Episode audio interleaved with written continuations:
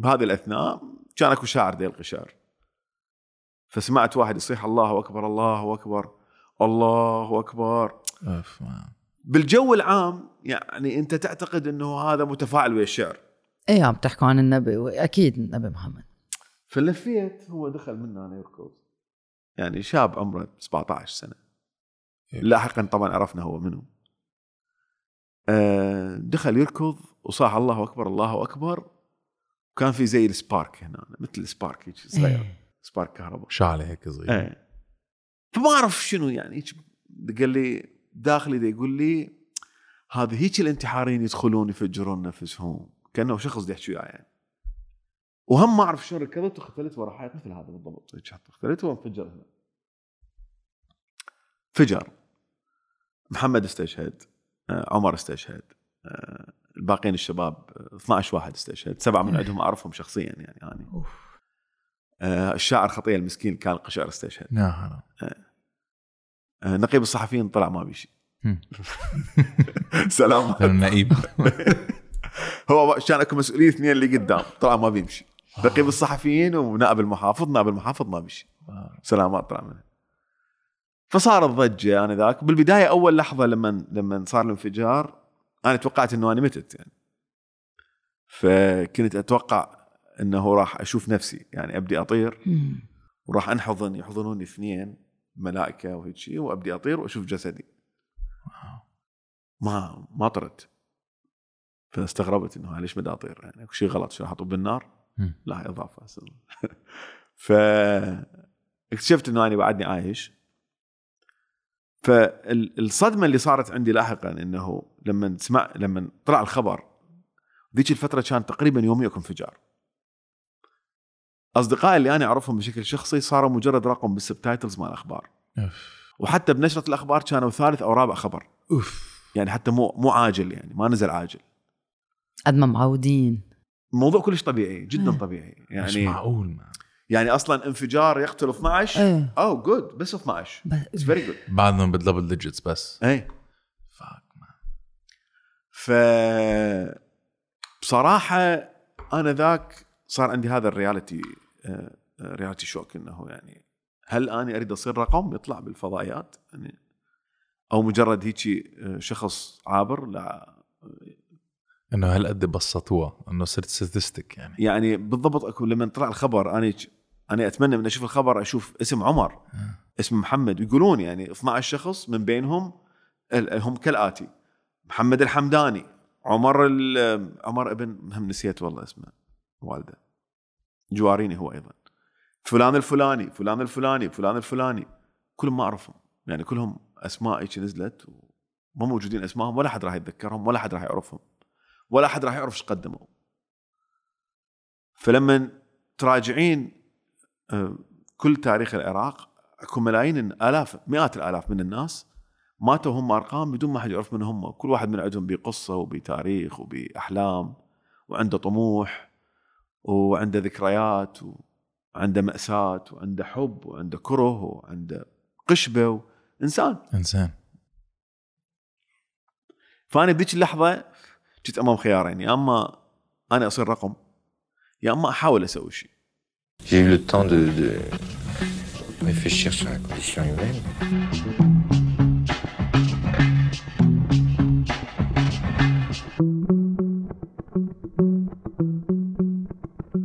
قبل ما تبلش هذه السردة بس حبينا نذكركم please تعملوا like subscribe و comment على هذا الفيديو آه وللأشخاص اللي بدها تساهم بسردة فيها تروح ل www.patreon.com slash سردة after dinner كرمال آه، تدعمنا وتخلينا نحن نستمر في ماشي؟ لا وشكرا. وشكرا. أحمد البشير welcome سردة thank you welcome to سردة. thank you أحمد أنت هيك just ناخذ هيك step back أنت آه، صحافي ساخر و the host of البشير show يعني صار لنا فتره نحن بدنا نستضيفك و thanks انس بخاش أعطينا ال contact number تبعك وهيك أنت هون. so so, uh, بدنا نبلش هيك بدنا بدنا نسأل كم سؤال عن يعني تجربتك بالحياة ومع البشير show بالعراق وتفضلي مديا first ورح question نسردها. رح نسردها سوا أكيد. أم، نحن بلبنان عنا صعوبة إذا بدك. نشرح كيف مركب لبنان. حتى إذا بنعرف إنه في فساد وفي سرقة وفي حروب وفي ميليشيات ومافيات وبدك إياه لنفسر للناس كيف مركب لبنان عنا صعوبة ومشان هيك نحن مع معين آه، بسردة آه، إذا بدك عم نجرب نفهم كيف مركب لبنان بكل آه، كل ال في كل مشاكله وكل شيء. كل مشاكله هلا هيك. كمان عم نطمح نحن نش يعني نجرب نفهم كيف مركب العالم العربي. so أنت يعني من الضيوف. sorry sorry يعني أنتم تريدون تفهمون اللي يصير بلبنان والعالم العربي؟ good luck يعني ما شاء الله. ما هذا سؤالنا ما هذا سؤالنا كان. كيف مركب العراق؟ إيه، كيف؟ ما أنا هم اريد أفهم. هي هاي المشكلة إحنا حاليا كنا قاعدين نريد نفهم شلون مركب العراق ولبنان. لأنه إذا فهمنا شلون مركب العراق ولبنان ما راح يصير شيء يعني عادي راح يظل نفس الوضعية. ما بيكون عندنا مشاكل يعني. يعني هم لا لا راح تظل موجوده عادي. مشاكل. بس إذا فيك تشخص يعني if, if you can diagnose uh, عراق 101 uh, عراق 101 عراق 101. حلو السؤال. من وين بتبلش؟ عن شو بتحكي؟ thank you very much أول شيء شكرا جزيلا لأنه أهلا وسهلا. استضفتوني وشكرا أنس. شكراً أنس. thank you أنس. آه، يعني من وين نبلش بالعراق؟ آه، القصة جدا معقدة إلى درجة إنه ماكو starting point للموضوع. يعني إذا نريد نبلش من الوضع السياسي أو الوضع الاجتماعي أو الوضع الاقتصادي أو يعني أعتقد آه، القصة مركبة أكثر من لبنان يمكن ب 100 ضعف. آه، ربما الفرق ال- ال- عدد السكان يفرق أيضا تنوع ال- ال- المجتمع أكثر من لبنان و- وما عندنا بحر. يعني بعيدين جدا عن البحر. هاي هم مشكلة حقيقية. يعني, يعني أنتم عندكم بحر وتقدرون تسوون relaxation من البحر وتسوون therapy وإحنا ما ما في ما عندنا هذا ال option يعني. صعب ال therapy. شيء. liquid على القليل يعني. يعني- نحن نحن هلأ عم نسمي حالنا بلد, بلد نفطي. بس نحن مش بلد نفطي. لا. أنتم نفطي لو غازي اسمه ده افتهم لقيتوا نفط لو حسب. حسب يعني أمرار نحن بنكون نفطي أمرار غازي يعني حسب الميول السياسي شوف من شخص جاي من بلد نفطي صدقني أقول لك إنه مو بالشر... مو بالضرورة شيء جيد هذا والله العظيم recommended أبد أبد يعني نهائيا قصة إنه بلد نفطي وموقع متميز هاي سلبيات مو إيجابيات للأسف بالعالم. آه، ربما العراقيين هواي مناسبة يؤمنون إنه النفط لعنة. وليست يعني نعمة. وهواي من عندهم يؤمنون إنه لولا النفط ما كان صار بهم اللي صار يعني كان وضعيتهم صارت أفضل. ويعني نوعا ما أؤمن بهذه القصة يعني أوكي هو إحنا محظوظين ولكن بنفس الوقت قد تكون هي لعنة كبيرة جدا على هذا البلد موضوع النفط. مو مثل أكو بلدان أخرى استفادت من هذا الموضوع يعني النرويج مثلا لما تنظر إلى اقتصادها وشلون بني وصندوقها السيادي وشلون مأمنين وضعهم 4900 سنة قادمة وتقارن بوضع العراق اللي يعيش شهر بشهر يعني ومع العلم يصدر 4 مليون نفط برميل نفط بال- باليوم. يعني تحس بالأسى والحزن. فلهذا دا أقول لكم صدقوني مرات النفط يعني. هسه أكبر مشاكلهم هي الاتصالات. أكيد. آه أوكي. يعني بلبنان العركة الحقيقية بين السياسيين والميليشيات هي على الاتصالات اللي صح. حسب. مو صحيح ولا أنا غلطان؟ صح فما تريدون نفط يعني. بزيادة. خليكم على البحر. خليكم على بس هيك therapy طلعوا على الشمس عم بتغيب وعم فول إيه، exactly بس يعني بس ال ABCs يعني نحن بلبنان عنا مشاكل طائفية. آه، مبينة يعني نحن عنا رئيس جمهورية آه، مسيحي ماروني عنا رئيس مجلس النواب شيعي ونحن عنا لا رئيس آه، آه، المجلس النواب مش شيعي نبيه بري. نبيه بري. إيه، إيه، اللي هو اللي هو نبيه بري. هذا. و... ورئيس وزراء أكيد سنة. أنتم عندكم كمان زيت التركيبة؟ عندكم شيء لا إحنا؟ نختلف. من اي ناحيه نختلف تماما. إحنا رئيس الجمهورية كردي. آه، رئيس مجلس الوزراء لازم يكون شيعي. ورئيس مجلس النواب محمد الحلبوسي. سؤالنا زيت المشاكل نفس الفرق. بس مركبه غير شيء. إيه، اللي هو سني يعني المفروض يكون يعني. الفرق إنه محمد الحلبوسي للأسف بعده شاب. بعد. قدامه 30 سنة يعني للأسف. نحن عندكم هالقد مشاكل طائفيه بركي ب- بالمجتمع كمان ولا بس سياسيا هي ب... هذا الموضوع لما تتناقش به ويا أي عراقي راح يقول لك إحنا المشاكل الطائفية ما كانت عندنا، هم جابوها علينا، يعني أنت من تسمع هذه الجملة تقول إنه شنو هم جابوها علينا؟ حقيقة اللي جو للعراق بعد 2003 وخصوصا اللي جايين من من بريطانيا ومن البلدان الأخرى اللي كانوا منفيين بزمن النظام السابق بزمن صدام.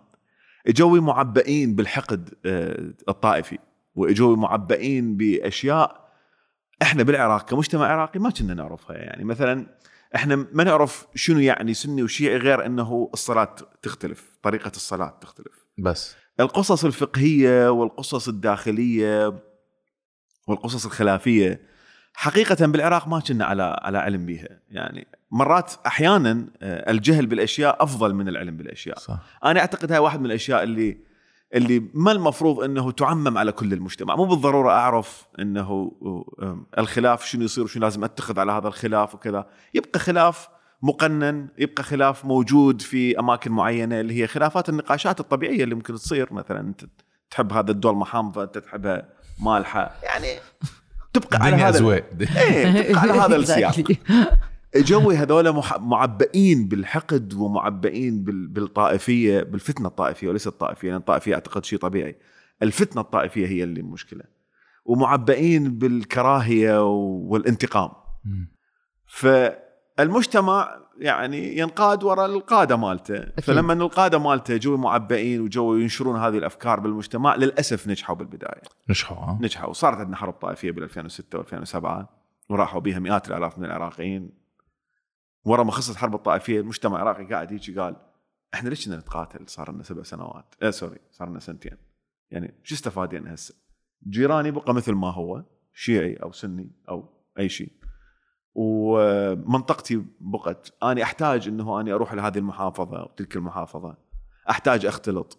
شو اللي تغير يعني؟ ما تغير شيء ما حد استفاد. هذه كانت واحدة من المعارك الخاسرة بالعراق وحقيقة هواية معارك خاسرة بالعراق يعني هي مو بس هاي. كل شوية معارك خاسره بالعراق وللأسف إحنا دائما ننطي دم مقابل لا شيء. أف. يعني إحنا ننطي ضحايا مقابل يعني حتى الثورة الفرنسية من صار بها آه، ضحايا بالنهاية صار أكو تغيير بالنهاية صار أكو تغيير على مستوى العالم خلينا نقول مو بس فرنسا. إحنا بالعراق ننطي ضحايا وننطي ثمن بس كل ما نحصل بالنهاية. يعني أنت يموتون 800 واحد بمظاهرات بعدين ترجع نفس القصة من جديد. ينقتلون يعني مو يموتون عادي. ينقتلون خلينا نقول 100 ألف واحد بحرب الطائفية هو أكثر بس نقول 100 ألف. بالنهاية العراق يقول آه كنا عايشين سوا. طيب ليش اقتتلتوا؟ أكثر من مئة ألف واحد. أكثر من 100 طبعا. آه، لا إذا أقول الرقم ما أعرف بصراحة يعني إيش قد. ما أعتقد أكو واحد يقدر يعرف الرقم إيش قد يعني يقولون توصل مليون بس ما أعتقد أقل. أوف. إحنا اقتتلنا يعني هواية مرات اقتتلنا ما ندري ليش. بعدين نقعد إحنا ليش كنا نقتتل؟ يعني نمشي وبعدين وراها نرجع مرة الاخ من البداية. بعدين نكتشف إنه هذا الشيء كنا نسويه غلط فإحنا لازم ما كنا نسوي. فهو المجتمع مو طائفي. يعني كمجتمع آه، عمر وعلي وكاظم ومقتدى هذول مو المجتمع مو السياسيين اقصد مو طائفيين يعني هم كناس يتعاملون واحد ويا الآخر طبيعي ويتزاوجون وصها وتصاهر بيناتهم وعلاقة طبيعية. هذول هم اللي إجوا هم خلقوا هاي ال- ال- الطبقة السياسية اللي جت من الخارج تحديدا هي اللي من جوي وصلوا للحكم قال لك إنه أنا شنو الطريقة اللي أنا أقدر أسيطر بها على الناس بسهولة وأنا ما عندي شيء أقدمه؟ مثل عنا. بالضبط. بالعقيده الدينية. إيه. شباب إحنا كلنا لابسين تيشيرت أحمر تعالوا منا. اللي لابسين تيشيرت أخضر ذولا مو زينين فأنت تروح تنقاد وراء أبو التيشيرت الأخضر وأنت ما تعرف شنو ليش قاعد تنقاد وراءه بس فريقي خلاص. بس فريقي خلاص هذا. فهو كلش قريب للوضع اللبناني. الفرق إنه ربما بلبنان ما اجى من الخارج وما صار تغيير يعني من خلال قوة عظمى.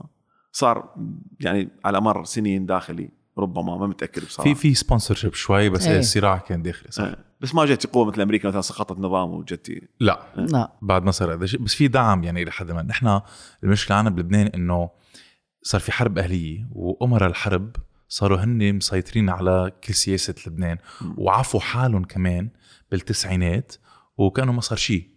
فبيستعملوا التاريخ تبعهم الملطخ بالدم كرمال يقدروا يجاجوا الأشخاص إنه آه المسيحيه بيقولوا رح ياكلونا الإسلام. آه الشيعة يعتبرون بيعتبروا حالهم مضطهدين مأكولين. آه مش مأكولين sorry لا نحن لا أنتوا أنتوا أكلتونا. أوكي. آه، يعني كل واحد كل طائفة عندها الصفة تبعيتها كرمال آه،. تبني السردية رايت بس أنتوا لا أنتوا اجت قوة من الخارج وغيرت المعادلة بالبلد. أي وحتى القوة اللي موجودة بالداخل انخرطت ضمن هذا المشروع يعني انخرطت ضمن قصة إنه لأن شافوها طريقة سهلة للكسب السياسي. صح. أنا ليش أتنافس من خلال أفكار وبرامج سياسية وبناء وإعمار وكذا؟ لا أنا أتنافس هذه الطريقة السهلة وحساباتي بالبنوك تكثر يعني ترى طريقة كلش سهلة هي يعني. صح. وهي طريقة ال يعني طريقة قديمة جدا قديمة حتى أعتقد إنه عيب واحد يسويها بعد يعني. هي طريقة قديمة للسيطرة على الناس. يعني أكو هواية طرق تختلف عن هذه الطرق ربما تكون أحسن اللي هي أنا أقدم برامج أقدم خطة أم، أسوي إنجاز معين أخلي الناس تثق بي على أساس هذا الإنجاز. لا بس إنجاز كبير كمان يعني نص العراق بتحضرك أنت وفريق العمل تبعك it's incredible ها sorry لا عم بقول إنه سويت إنجاز. لا لا مو أني لا. هاي متاكدين من عنده لا طبعا ندرج على هذا الموضوع. ندرج على مواضيع أخرى. هيك هيك. إيه، بالضبط. هذا الحلاق اللي قصة يعني نعيما. المهم. ف آه، فصاروا كسالى. فحبوا هاي القصة إنه أنا راسا جمهور مباشر يصوت لي بدون ما أسوي له شيء بس لأنه أقول له أنا سني أو أنا شيعي. يعني وين اكو طريقة؟ يعني ممتازة هذه. كسولة. فمشت. للأسف. وصار توزيع المقاعد على أسس طائفية. صار توزيع ال- الحصص على أسس طائفية. صار توزيع البرلمان والوزارات والحكومات ومدراء العامين والمناصب والفلوس وكل شيء على أسس طائفية. وبعدين تطور الموضوع إلى مو بس طائفي صار بداخل الطائفة الواحده نفسها عدة أطراف كلها تريد تاكل. فهاي طريقة سهلة وما بيها شغل وما بيها تعب وبيها سهر وبيها قمار وبيها آه واو عم تحكي من داخل الطائفه شو قصدك؟ بتهنى إيه. مش معقول بيلعبوا بالعصب الطائفي بيخافونا عن البعبع ال- هذا لأ حيجوا. حيعملوا كذا آه. بس أنت عم تقول في, في كمان مشاكل من داخل الطائفة يعني هي مو هي الطائفة نفسها آه، بها أيضا أقطاب لأنه كل طائفة بها فد at least أربع أو خمس زعامات أوكي. يعني هسه إذا نجي كل طائفة عندها على القليلة أربع أو خمس زعامات على القليل wow إيه. آه، كل هذول الزعامات كل واحد من عندهم يقول أنا أمثل الطائفة. أنا أمثل هذا المكون. آه، ولا أمثل الطبقة السياسية الممثلة لهذا المكون. لا هذا المكون. فهذول الاقطاب نفسهم يتصارعون فيما بيناتهم حتى يحصلون على مكاسب أكبر. لأن القصة ما تتعلق بالطائفة. هي القصة تتعلق بأنا إيش قد أحصل؟ أني الكيكة مالتي إيش قد من. عندها؟ وها هي. فهي هاي القصة هيك صارت معقده يعني بعدين اكتشفوا مثلا طائفة معينة اكتشفوا إنه لا تعالوا خلي كلنا نشتغل ونتقاسم بيناتنا بما يحبه الله. طبعا متأكد ما راح- ما ما يحبه الله. ابدا. بما لا يحبه الله. فاكتشفوا إنه هاي القصة فتقاسموا الموضوع. هسه أيضا بلشت مشاكل مرتلخ. أوكي. فمو مثل عندنا لا إحنا مثل عندكم مو أنتم مثل عندنا أنتم مثل عنا إيه. ليه؟ لأنه إحنا اللي مشينا على دربكم مو أنتم مشينا على درب مشيتوا على دربكم. أوكي؟ نحن اخترعنا البارود يعني. أنتم اخترعتوا ال- الثلث المعطل مثلا. آه أوكي. آه نحن اخترعناه. أنتم wow. اخترعتوا لا أول مرة لبنان بيعمل شيء منيح. إيه، كثير منيح. يعني فهول الأدوات اللي اللي عم عم بتصير هيك عم تتداول بلبنان كمان عم تستخدمون. نفسها. بالضبط. بتعرف في, في علاقة كثير حلوة آه، بين العراقية وبين اللبنانية. مزبوط استثنائية أنا منا شايفها من قبل. كنا عم نحكي تحت الهواء إنه نحن ب 17 تشرين كان في ثورات عم بتصير بذات الوقت. إيه بالعراق 2019 عنكم وعنا. مضبوط. وبتذكر يعني كنت كنت أنا أطلع لايف يعني كنت أستعمل مواقع التواصل الاجتماعي مثل انستغرام to go live ولما بكون بمظاهرات الأشخاص كانوا يشوفوا إنه أوكي هول عم يستعملوا رصاص مطاط اما رصاص حي يستعملوا مسيل آه، دموع واغلبيه التعليقات يعني ما بعرف شي 70% منهم كانوا من عراقية عم بيقولوا لي أنا شو أعمل وانتبه من هذا الشيء وانتبه من هذا الشيء ف it was beautiful to see لأنه آه، كان في هيك تضامن بس ما لاحظته لحديت ما آه، بلشت أحكي معهم وهن كمان قالوا لنا إنه عم نقطع بزيت الأمور نحن كمان عم نثور بالعراق. it's incredible يعني أنا أتذكر بهذيك الفترة صارت إنه العراقيين يعلمون اللبنانيين شلون آه، يتجاوزون موضوع الدخان اسمه إيه، مسيل إيه. دموع مسيل. الدموع. فكانوا يعلموهم يقول لهم استعملوا البيبسي البيبسي مزبوط صح صح وجهك. إيه. لأنه المي بتحرق إذا إيه، بتحط بالضبط. مي إيه بالضبط والبصل كمان على العيون هو المسيل منه غاز على فكرة. هو المسيل مثل باودر. فإذا بتحط شيء مثل المي مثلا بيفوت مم. بالجلدة و- بيحرق و- أكثر و- و- هذا واحد عراق اللي وبتش... إيه،. وبتشم بصل لينزلوا دموعك ال- ال- هيدي البودرة من من عيونك مشان إيه. هيك بتشم بصل لتبكي طب أنتوا هلا ب- بثورة تشرين آه، وين صرتوا يعني سياسيا بالعراق؟ لأنه نحن صار عندنا أحباط نحن كان في عدة مراحل آه، قطعنا فيها وصار في تغير شوي سياسي إنه قلنا بدل نحن بنضل عم نتظاهر نتظاهر بالشارع رح آه، آه، نصوت للنواب هن رح يرمزوا التغيير بالبرلمان كان في هذا الشيء عندكم كمان؟ شوف إحنا بالعراق آه، يعني تقريبا جربنا كل الحلول اللي ممكن أن تجرب بما يتعلق بالشأن السياسي والتغيير السلمي والتداول السلمي وهذه الأشياء. بدنا نصطدم بشغلتين اللي أعتقد أنتم تصطدمون بها دائما اللي هي نفس الشيء اللي هي المال الفاسد بكميات مهولة ونصطدم بالسلاح. آه، إحنا عندنا آه، أنتم عندكم ميليشيا أو ميليشيتين مثلا إحنا عندنا تقريبا 20 ميليشيا قوية وفاعلة على الأرض. واو. وفي سلاح وجيش مموله مثل ما من الدولة. أغلبها. واو. واو. يعني إحنا عندنا مؤسسة رسمية تأخذ آه، تقريبا ما يقارب مليارين دولار بالسنة أو أكثر. تاخذها من الحكومة من ميزانية العراق. لتمويل آه، آه، ما يسمى بجهاز أمني عراقي يتبع للقائد العام للقوات المسلحة. ما راح أسميه بس الكل يعرف من هو هذا الجهاز. هذا الجهاز الذي يتبع القائد العام للقوات المسلحة بالحقيقة لا يتبع القائد العام للقوات المسلحة. أوكي هو جهاز منفصل تقريبا جيش موازي للجيش العراقي والمؤسسات الأمنية العراقية. بل وبعض في بعض الأحيان يكون قراره أقوى وأهم من قرار ال- المؤسسات الأمنية وقرار القائد العام للقوات المسلحة. في بعض الأحيان اصطدم بالقائد العام للقوات المسلحة يعني آه، وصارت أكو مشاكل بيناتهم. ف عودة على موضوع الميليشيات فلما نجي للتغيير أنت تريد مثلا اليوم ما أنا أريد أرشح نفرض أنا يعجبني إنه أنا أرشح وأعتقد من حقي ومن حق أي مواطن عراقي إنه يرشح بالانتخابات. أجي أنا عندي أفكار مغايرة للنظام الحالي اللي موجود. أعتقد إنه مثلا يجب أن تحل جميع الميليشيات بالعراق، يعني سياسيا الأمر منطقي. لما أجي أنزل بالشارع حتى أني أروج لهذه الأفكار أصطدم بهاي الشغلتين، يا أما أغرى بالمال بطريقة يعني مجنونة يا أما واو. أني أهدد بالقتل أو أقتل. يعني صاروا عندنا ناس انقتلوا شباب هواي انقتلوا فلما تصطدم بهذه الأمرين لا يمكن إنه تتصرف بشكل طبيعي إلا إذا كان عندك ظهر معين مثلا عشيرة قوية آه، وعشيرة يعني بالعراق أيضا تشتغل يعني موضوع العشيرة القوية. أو عندك مثلا رمز ديني معين يحميك. لازم يكون ضمن هذه المنظومة. عشائر ميليشيات حتى مو حزب قوي مو بالضرورة الحزب قوي في يدك آه، رمز ديني معين ممكن واحد من هذين الثلاث أطراف إذا عندك وراك ممكن تدخل بالعملية السياسية. وممكن أيضا تسوي تغيير من الداخل وحلو يخبل وتسوي تغيير. بس بالانتخابات الأخيرة مثلا ناخذ مثال. أنتم قلتوا إنه أنتم بلبنان قلتوا إنه من خلال انتخابات وبرلماني. صارت الانتخابات الأخيرة فازوا بها 73 نائب من تيار آه، مقتدى الصدر أو يسمى بالتيار الصدري. آه، معارضين لل- لل- للميليشيات المسلحة. هم عندهم ميليشيات ولكن معارضين للميليشيات المسلحة. موضوع شوية معقد. آه، معارضين لل- للتدخل الإيراني نوعا ما. آه، معارضين للتدخل الأجنبي بالعراق بصورة عامة. وعندهم مجموعة مبادئ وأشياء.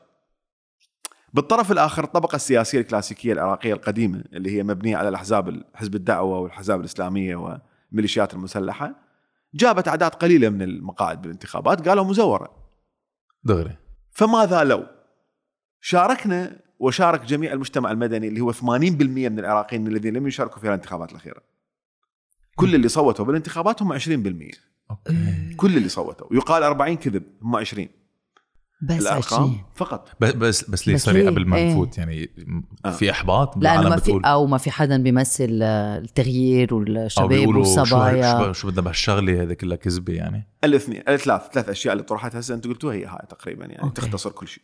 إحباط عدم ثقة بالمؤسسات الحكومية عدم أكيد. ثقة بالمفوضين يعني شو حنغير يعني إيه. حنغير. إيه. فيقول لك يعني أنا أروح أصوت حتى بعدين تنسرق أصواتي وتنطى ل غير واحد يعني هم. إيه، إنه صوتي ماله تقل. إيه. بالضبط. آه، قانون الانتخابات أيضا لعب دور لأنه قانون الانتخابات الجديد كان معقد وقانون جديد العراقيين ما فاهمين كيف بعد. كيف كان ويلكم معقد تو يعني؟ لبنان نحن نحن الشيء. انه كمان بيقولوا نحن قانون الانتخابات. ما حدا بيفهمه حتى السياسيين ما بيفهموا كيف ماشي. إيه بي- بيقولوا عنا بلبنان إنه القانون الانتخابي يعني آه، مركب على قياس هول الطوائف كرمال يقدروا هن يجيبوا النسبة الأكبر كرمال يرجعوا يصوتوا لهم يعني. نفس الشيء بالعراق. بالضبط نفس الشيء يعني في في نايب يطلع ب 30 صوت وواحد ضده ما يطلع وهو عنده 5000 مضبوط. نفس آه، الشيء. okay. إيه نفس الشيء. أكو كتاب معين يجمعنا. وين هذا؟ جيبوا لي إياه وين عندكم لو عندنا هذا. ف قصة أيضا المال السياسي. يعني أكو أموال هواية عندهم هذول لأنهم مؤسسات حكومية وكذا. وعندهم تجارة واستثمار. وأيضا السلاح. فأني 80% من العراقيين قرروا عدم المشاركة بالانتخابات الأخيرة. صعدوا بقوا 20% نقول 3% من عندهم من المجتمع المدني اللي هو يعني يسمى بمدني ولكن هو العلماني اللي يفرض اللي يرفض تدخل الدين بالسياسة بصورة عامة. ونوعا ما عنده طموح سياسيه يعني يعني يعتقد بال- بالتغيير السياسي اللي يصير من خلال الانتخابات وكذا. هذول ال 3% راحوا صوتوا لأحزاب معينة اللي هم آه، قسم من عندهم يعتبرون ممثلين لحراك تشرين حراك 2019 فازوا بالانتخابات قالوا آه، الطرف الآخر المسلح قالوا إنه هاي انتخابات مزورة والانتخابات تمت بدعم السفارة الأمريكية والحكومة الأمريكية وكذا وعمالة والعملاء وهم و... و- ليش؟ سفرات إيه. ليش؟ لأن هم خسروا فقط لأن خسروا بالانتخابات لو شاركوا ال 80% بالانتخابات وجابوا 400 مقعد من 328 مو 328 400 مقعد بالانتخابات ودخلوا 400 نائب كلهم ليبراليين علمانيين يؤمنون بحل الميليشيات وإزاحة هذه الطبقة الحاكمة. مثلا من حقهم راح يقولون مزورة وهذول كلهم يعدمون لأنه هذول كلهم خونة وقتلة وعندهم سلاح. هذول جماعة عندهم سلاح. وعملاء مثل عنا راح يطبون يسوون بهم آه، مجزرة جماعية وتصير. مجزرة. اي وتصير. مو ما تصير لا. راح يقولون إنه إحنا راح نحافظ على الدين والمذهب وكذا المبادئ. والمبادئ. وهذا الكيان الصهيوني دخل الموضوع أكيد. وأمريكا تدخلت بالقصة وخلت هاي الانتخابات تصير. هم مقتدى الصدر فاز بالانتخابات وقالوا عليها مزور. وقالوا عليها أمريكا ومشروع بريطاني. عاد لو فايز الطرف مع إنه. هو رجل دين يعني. معلم رجل دين وابن محمد الصدر. كلهم طلعوا من جوا عباته هو أو أو آه، عم عم عم ابوه يعني. ابن عم ابوه كل أحد الأحزاب الإسلامية طلعت من عباءتهم أغلبها يعني 99% أو الميليشيات طلعوا من عباءه مقتدى أصلا. كلهم كانوا عد مقتدى يشتغلون وبعدين طلعوا وتفرخوا وراحوا صاروا طب لما الشعب العراقي بيقول إنه بيسمع إنه أوكي مزور وبينكروا النتائج شو بيصير بعدين؟ كل شيء يصير ماشي؟ هلا هو سحب كل النواب تبعوا له. بين ليلة وضحاها يعني within 24 hours وقدموا استقالتهم أيوه 73 واحد يعني إيه. إيه، وشو صار بعدين؟ كل شيء ما صار ما صار. حطوا غيرهم محله اي حطوا غيره وشكلوا حكومة هذولاك الطرف الآخر وقالوا إنه هسه الحكومة تمثل المكون الشيعي بس عن- عندكم حكومة نحن ما عندنا ولا حكومة ولا رئيس جمهورية. يعني مو بالضرورة هذا شيء جيد بصراحة صدقيني. مزبوط طب هلا العراقي شو عم بحسوا يعني؟ شو شو شو عم بي شو عم بيفكروا؟ والله حقيقة ما أعرف. أكو حالة إحباط انت عامة. أنت شو بتفكر يعني؟ لما بتشوف هيك شيء؟ يعني أنا أعيش يومي هسه قمت. يعني بالانتخابات مال 2018 كانت عندي آمال كلش عالية. وكانت آمالي إنه راح يصير تغيير بهذه الانتخابات وأكو ناس راح تنتخب وكذا و... أو نغير شوي المفهوم السياسي مثل ما نحن عم نجرب نعمل فأني كنت واحد من أشد الداعمين والراغبين بإجراء الانتخابات بأسرع وقت وأيضا من أشد المشجعين للناس على إنه تروح تصوت. وصوتوا هوايه ناس. قبلها ب 2014 أيضا وقبلها ب 2010. الناس فقدت ثقتها بالعملية الديمقراطية والانتخابية من سنة 2010. أوف اللي صار بال 2010 إنه الناس انتخبت طرف معين على أمل إنه الدستور يقول إنه ال- اللي يفوز بأغلب عدد المقاعد أو بأكثرية المقاعد بالانتخابات هو اللي يشكل حكومة. ففاز في وقتها قائمة تعتبر نوعا ما وطنية جامعة لكل الهويات، ليست قائمة طائفية. زعيمها آه، جذورة شيعية ولكن هو علماني. واللي موجودين بها كانوا من عدة طوائف. اسمها القائمة العراقية ب 2010. ب- بزعامة اياد علاوي فازت القائمة ب 91 مقعد المنطق يقول إنه هذه القائمة ال 91 مقعد تتحالف مع كتلتين أخرى وتشكل حكومة بايدن وأحمدي نجاد و... آه، وأطراف أخرى آنذاك قرروا إنه لا هذا القائمة لازم تشكل لازم يبقى الحكم بيد الأحزاب الإسلامية الشيعية فرجعوا نور المالكي رئيس وزراء وبعدها شفنا اللي صار من دخول داعش والمظاهرات بال 2013 بالأنبار وباقي المحافظات السنية وأيضا انتقل الموضوع إلى وجود الحشد وبعدين وراها وجود الميليشيات وشرعنة الميليشيات وكذا. فاذا نرجع على ال butterfly effect خلينا نسميه هو اللي صار بال 2010 كل المشاكل اللي إحنا عايشيها اليوم هي سببها بال 2010 لأن الناس من ذاك اليوم بدأت تفقد ثقتها بال... بال... بالانتخابات. يقول لك أنا أنتخب أو ما أنتخب اللي راح يسو... يريدوه هم يسووه. المستعمر الإيراني أو الأمريكي راح يسوي اللي يريده. أنا ليش دا أروح أشارك وانطي شرعية؟ ليش دا أعتقد إنه أني ممكن ينضحك علي مرة أخرى يعني؟ سويناها مرة سويناها مرتين ب 2014 ونفس القصة. فب 2018 كنت مشجع جدا للانتخابات. وفشلت ال... ال... يعني القصة وصارت رجعوا ميليشيات صاروا عندهم أحزاب. بس سوري بس كمان ال- ال- المظاهرات بال 2019 أنا نحن بنعرف بال- بالعراق عادة المظاهرات تدير من آه، جهات سياسية عادة كرمال يقدروا بركي ينتقدوا شيء قرار. بس بال 2019 كان شيء استثنائي لأنه لأول مرة كان شيء جاي من الشعب. إيه. المظاهرات ب 2019 كانت تعتبر واحدة من أكثر المظاهرات وأهمها أم، آه، واقعية وحقيقية آه، واقعية وحقيقية بال بالمظاهرات مسيرة المظاهرات. إحنا من 2011 بلشنا مظاهرات أنا أتذكر يوم 25 2 2011 كانت أول وأكبر مظاهرة تاثيرا بالربيع العربي وكذا. واو. فكانت واحدة من أهم المظاهرات وأيضا قمعت من قبل آه، المؤسسات الأمنية انذاك بقيادة برصاص. الحي يعني في عالم ماتت يمين شمال. بال 2011 آه. نزلت طيارات هليكوبتر عليهم بساحة التظاهر. وقمعوا اكتشفنا آنذاك إنه قصة الديمقراطية والحرية التعبير اللي جابوها الأمريكان كذبة من ذاك الوقت. بال 2019 طلعت أكبر مظاهرة حقيقية وطنية بتاريخ العراق من أول ما تأسست الدولة العراقية أعتقد يعني. أول مظاهرة جامعة للكل وتتحدث عن شيء ومفهوم أكبر هو اسمه وطن كانت يقولون نريد وطن. وكانوا يقصدون يعني إنه كل التدخلات الخارجية ما نريدها ونريد إحنا يعني اللي صار بعدها كوفيد اجتي آم، ضربت آه، آه، آه، المطار من صارت. ثم تلتها أحداث لاحقة. وجود رئيس وزراء ضعيف جدا آنذاك كان. ضعيف كيف يعني كان؟ يعني ضعيف على المستوى الشخصي. يعني هو ضربوا بيته بمسيرة آه، مفخخة. وأيضا آه، داسوا على صورته عشان سامع بالقندرة. شاف شيء قندرة؟ لا. لا. الحذاء. الحذاء أوكي. إيه، اللي هو نفس القوات الأمنية داسوا على صورته بال- بالحذاء. وتصرفوا وياه بأبشع طريقة ممكنه تتصرف من قبل موظف حكومي تجاه رئيس وزراء بلده. وما قدر يسوي شيء يعني كان للأسف كان ضعيف جدا إلى مرحلة إنه قمنا آخر شيء يعني ننقهر عليه نقول أوه خطية وي هوب هي مسكين. يعني إيه بالضبط العراقيين قاموا يعاملونه أوه مسكين خطية. هذا آه، أيضا عامل من العوامل. الانتخابات الناس ما تثق بيها. كيف ممكن يقول لك دائما شلون أني أقدر أسوي انتخابات وتريدني أشارك؟ ككتل سياسية كأحزاب أو كشباب أو كناخب. وأني عندي قوة سلاح موجودة بالعراق أنا إذا أروح تغير النتيجة مثل ما تريد. ليش أشارك؟ يعني شو نضحك عليه أنت لو شنو؟ وكان يعني النارتيف مالتهم حقيقي يعني. أنت فعلا شلون تقدر تشارك وأنت ما عندك؟ بس بس أنت البشير شو يعني لما بتعمل الشو تبعك وعندك ملايين الأشخاص اللي بيحضروها آه، ما عم تطمح لشيء يعني ما ما عم تجرب تغير شيء إحنا يعني بال- بالأساس تغييرنا مجتمعي. مجتمعي. إيه. التغيير السياسي اللي يصير هو يعني الأكبر فمن يجي يجي من ما يجي okay ما عنده مشكلة بالموضوع إحنا مو هدفنا هو التغيير المجتمعي. آه sorry مو هدف التغيير السياسي.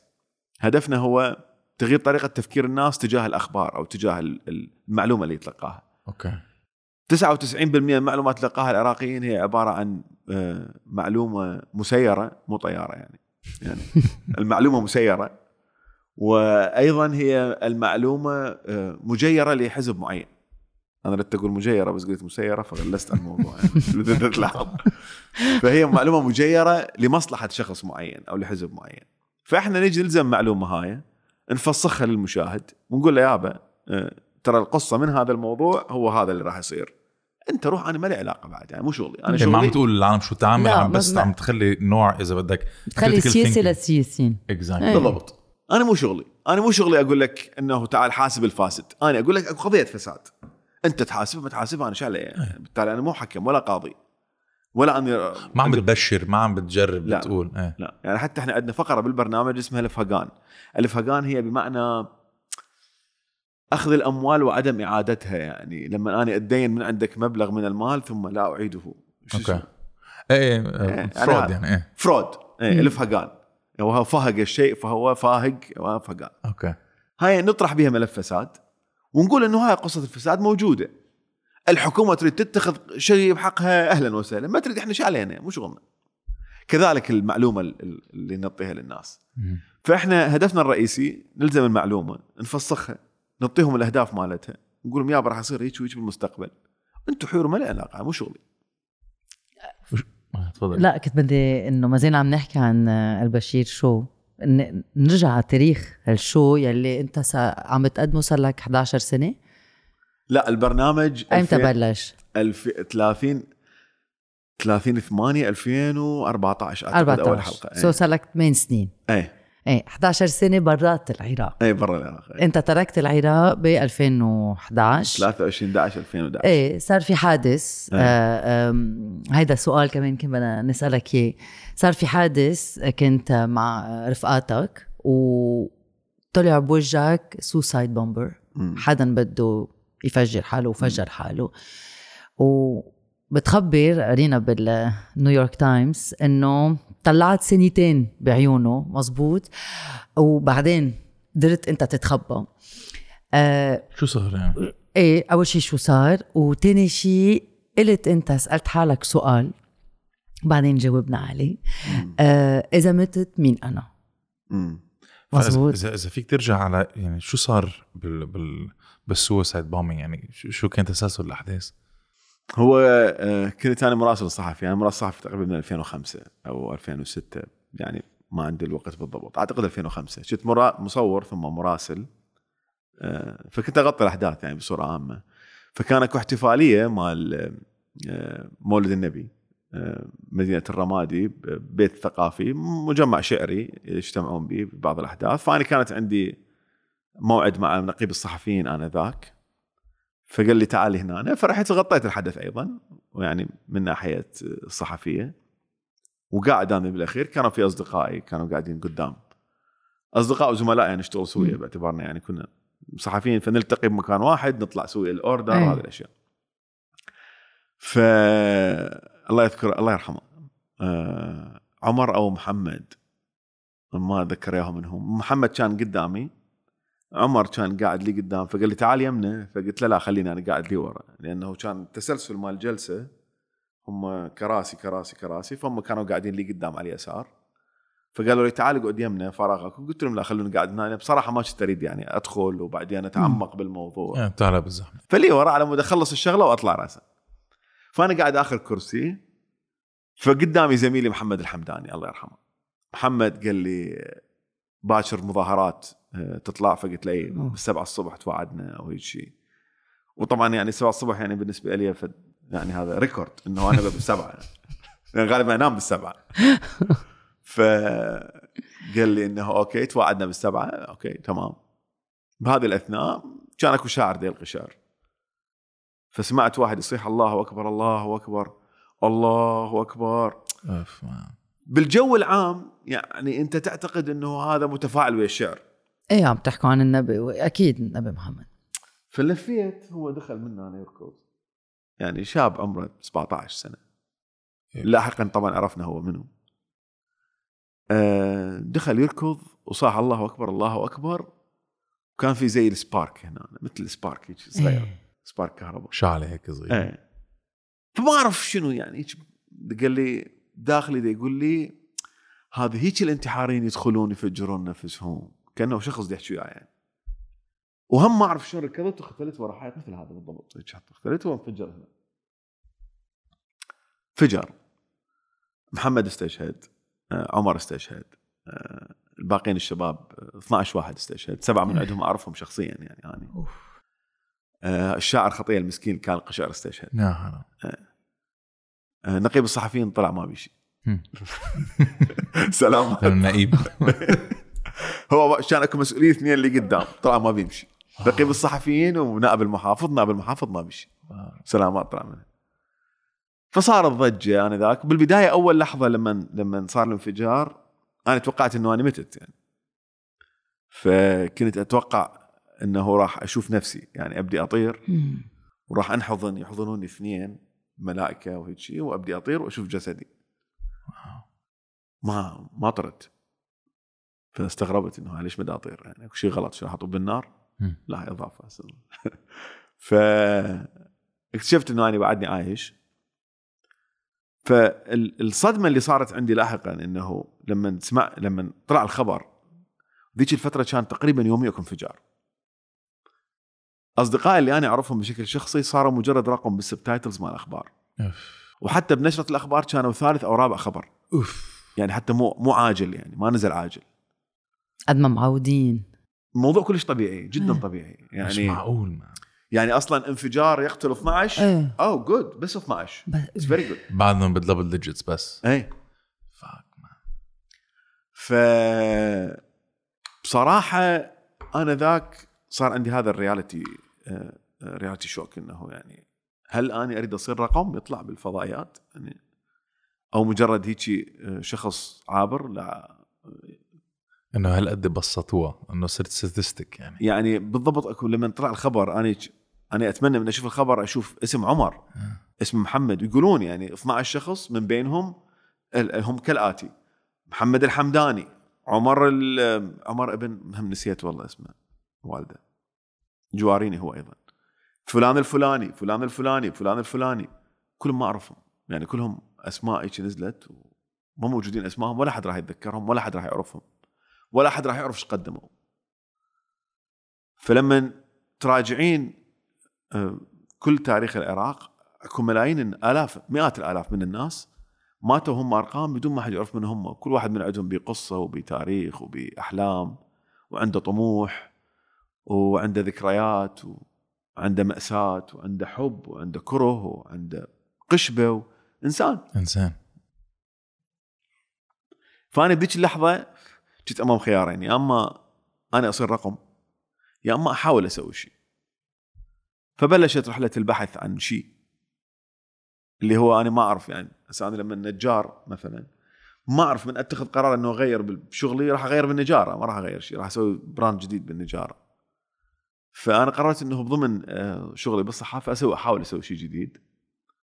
فبلشت أول شيء مقدم مال مال برامج حوارية طلعت طبعا خارج العراق ورا ثمان أو تسعة أشهر من الصراع الداخلي إنه أطلع لو ما أطلع أطلع لو ما أطلع أطلع لو ما أطلع بعدين طلع إنه تبقى بالعراق أو أو تفل يعني كان في هيك و- كان إيه. عندك وطنيين نحن كمان كنا يعني كنا عم نعاني من زيت المشكلة إنه إذا نحن نترك بركي البلد عم نخونه أو عم يعني عم نعمل شيء غلط. أو عم هيك we're abandoning القضية أيوة.